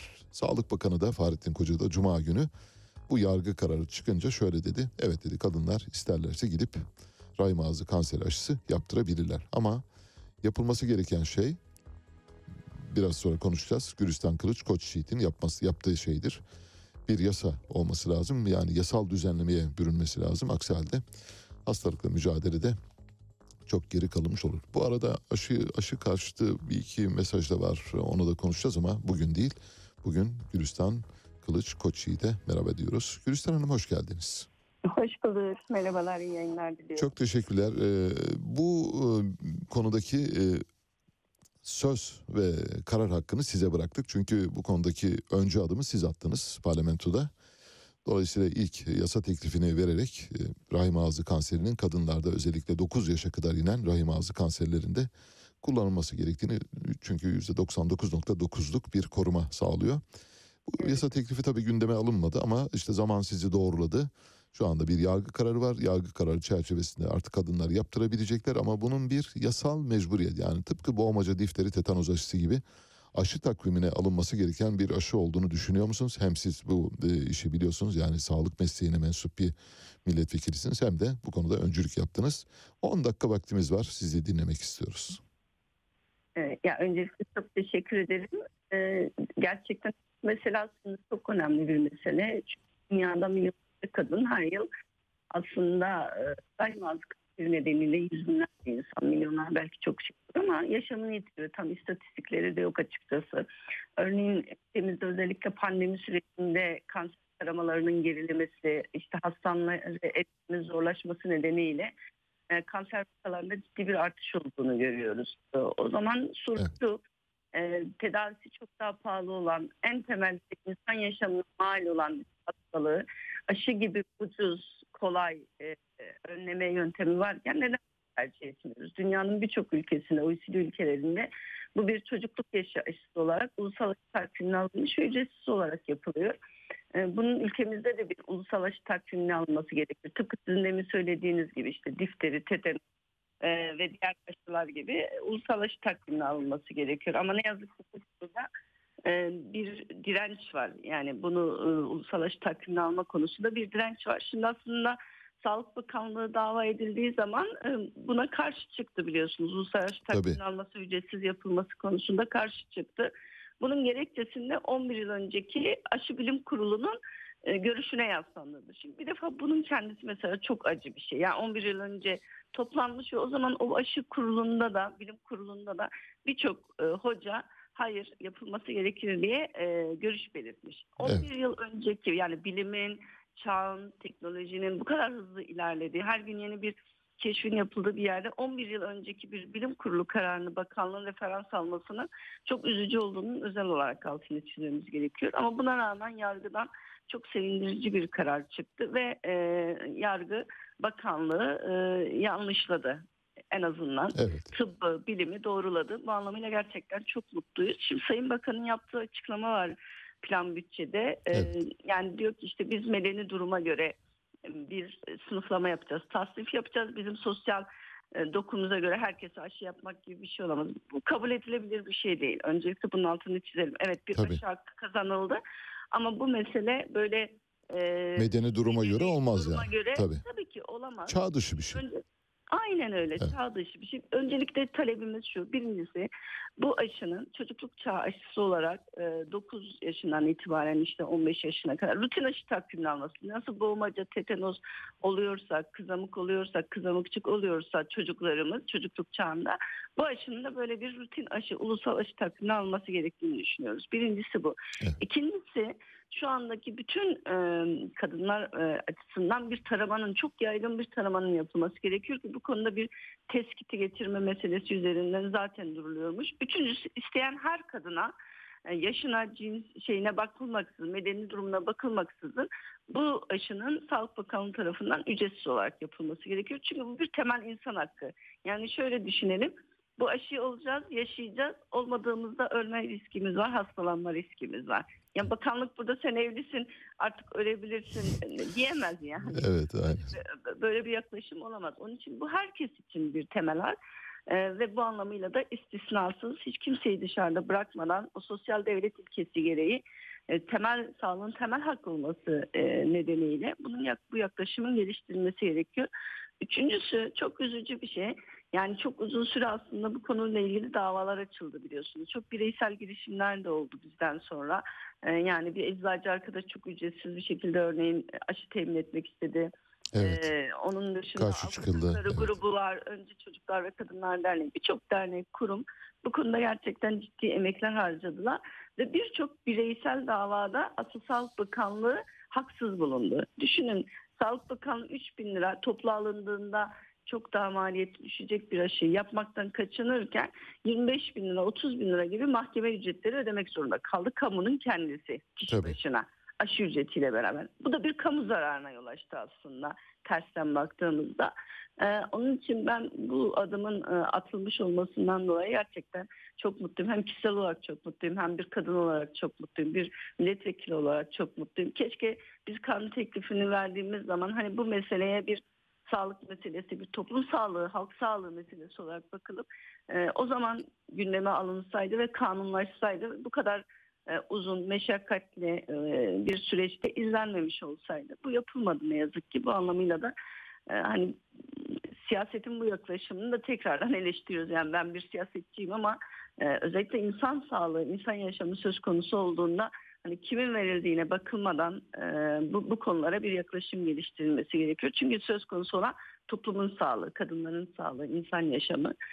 Onu da ifade edeyim. Diğer bir mesele demin altını çizdiniz. E, bunu bir kanun çerçevesinde düzenlenmesi gerekiyor. Yani bunun sadece Sağlık Bakanlığı'na bırakılması, Sağlık Bakanlığı'nın işte bir şekilde bir maliye politikası çerçevesinde e, maliyet meselesi üzerinden ele almasını da doğru bulmuyoruz. Yani bu kesinlikle kanunlaşması gereken kadınlar için çok temel bir mesele. Sadece bu da değil aslında. Daha başka kanun tekliflerimiz var. Örneğin e, ped, Evet. pedlerin, kadınlar için hijyenik e, ürünlerin ücretsiz dağıtılması, çocuklara bir öğün yemek meselesi. Bunları da çok önceden örneğin kanun teklifi olarak verdik. Bunların hepsi bekliyor tozlu raflarda. Bir an önce bu konuda e, adım atılması, e, bütün bu ülkede yaşayan kadınlar açısından, yoksullar açısından çok çok önemli bir mesele. Çok teşekkür ederiz. Sizi tekrar kutluyorum. Ee, Böyle bir e, kanun teklifiyle öncülük yaptığınız için diğer kanun tekliflerini de bu arada hatırlattınız dediğiniz gibi. Evet. İşte parlamenterlerin yapması gereken e, iş bu bence Gülistan Hanım. Siz bu işin e, karşılığını veriyorsunuz. Yani aldığınız maaşı hak ediyorsunuz en azından. Yani sadece e, o yönüyle bakarsak bile parlamenterlik görevlerini iyi yerine getiren kişilerden birisiniz. O bakımdan sizinle konuşmak teşekkür istedik. ederim. Çok teşekkür ederim. Ben de fikri takibiniz için, desteğiniz için, ilk günden bugüne kadar süreçte e, katkılarınız için Radyo Sputnik'e özel olarak size çok teşekkür ediyorum. Peki. Sağ olun. Çok teşekkürler. Görüşürüz. İyi, Hoşçakalın. Gülistan Kılıç, Koç Yiğit'le konuştuk. Hakların Demokratik Partisi Muş Milletvekili kadınlara ayrımsız olarak 9 yaşından başlayarak e, rahim ağzı kanseri aşısının ücretsiz olarak yapılması gerektiğini ve bunun bir aşı programına alınması gerektiğini öngören bir kanun teklifi verildi. Ancak bu kanun teklifi görüşülmedi bile. Keza aynı şekilde kadınlara ve pet ve, ve hijyenik e, malzemelerin ücretsiz olarak temin edilmesi konusunda bir yasa teklifi var. Onu da bu arada hatırlatmış oldu. Çocuklara bir öğün yemeğin ücretsiz verilmesiyle ilgili bir teklifi var. Onu da hatırlatmış oldu.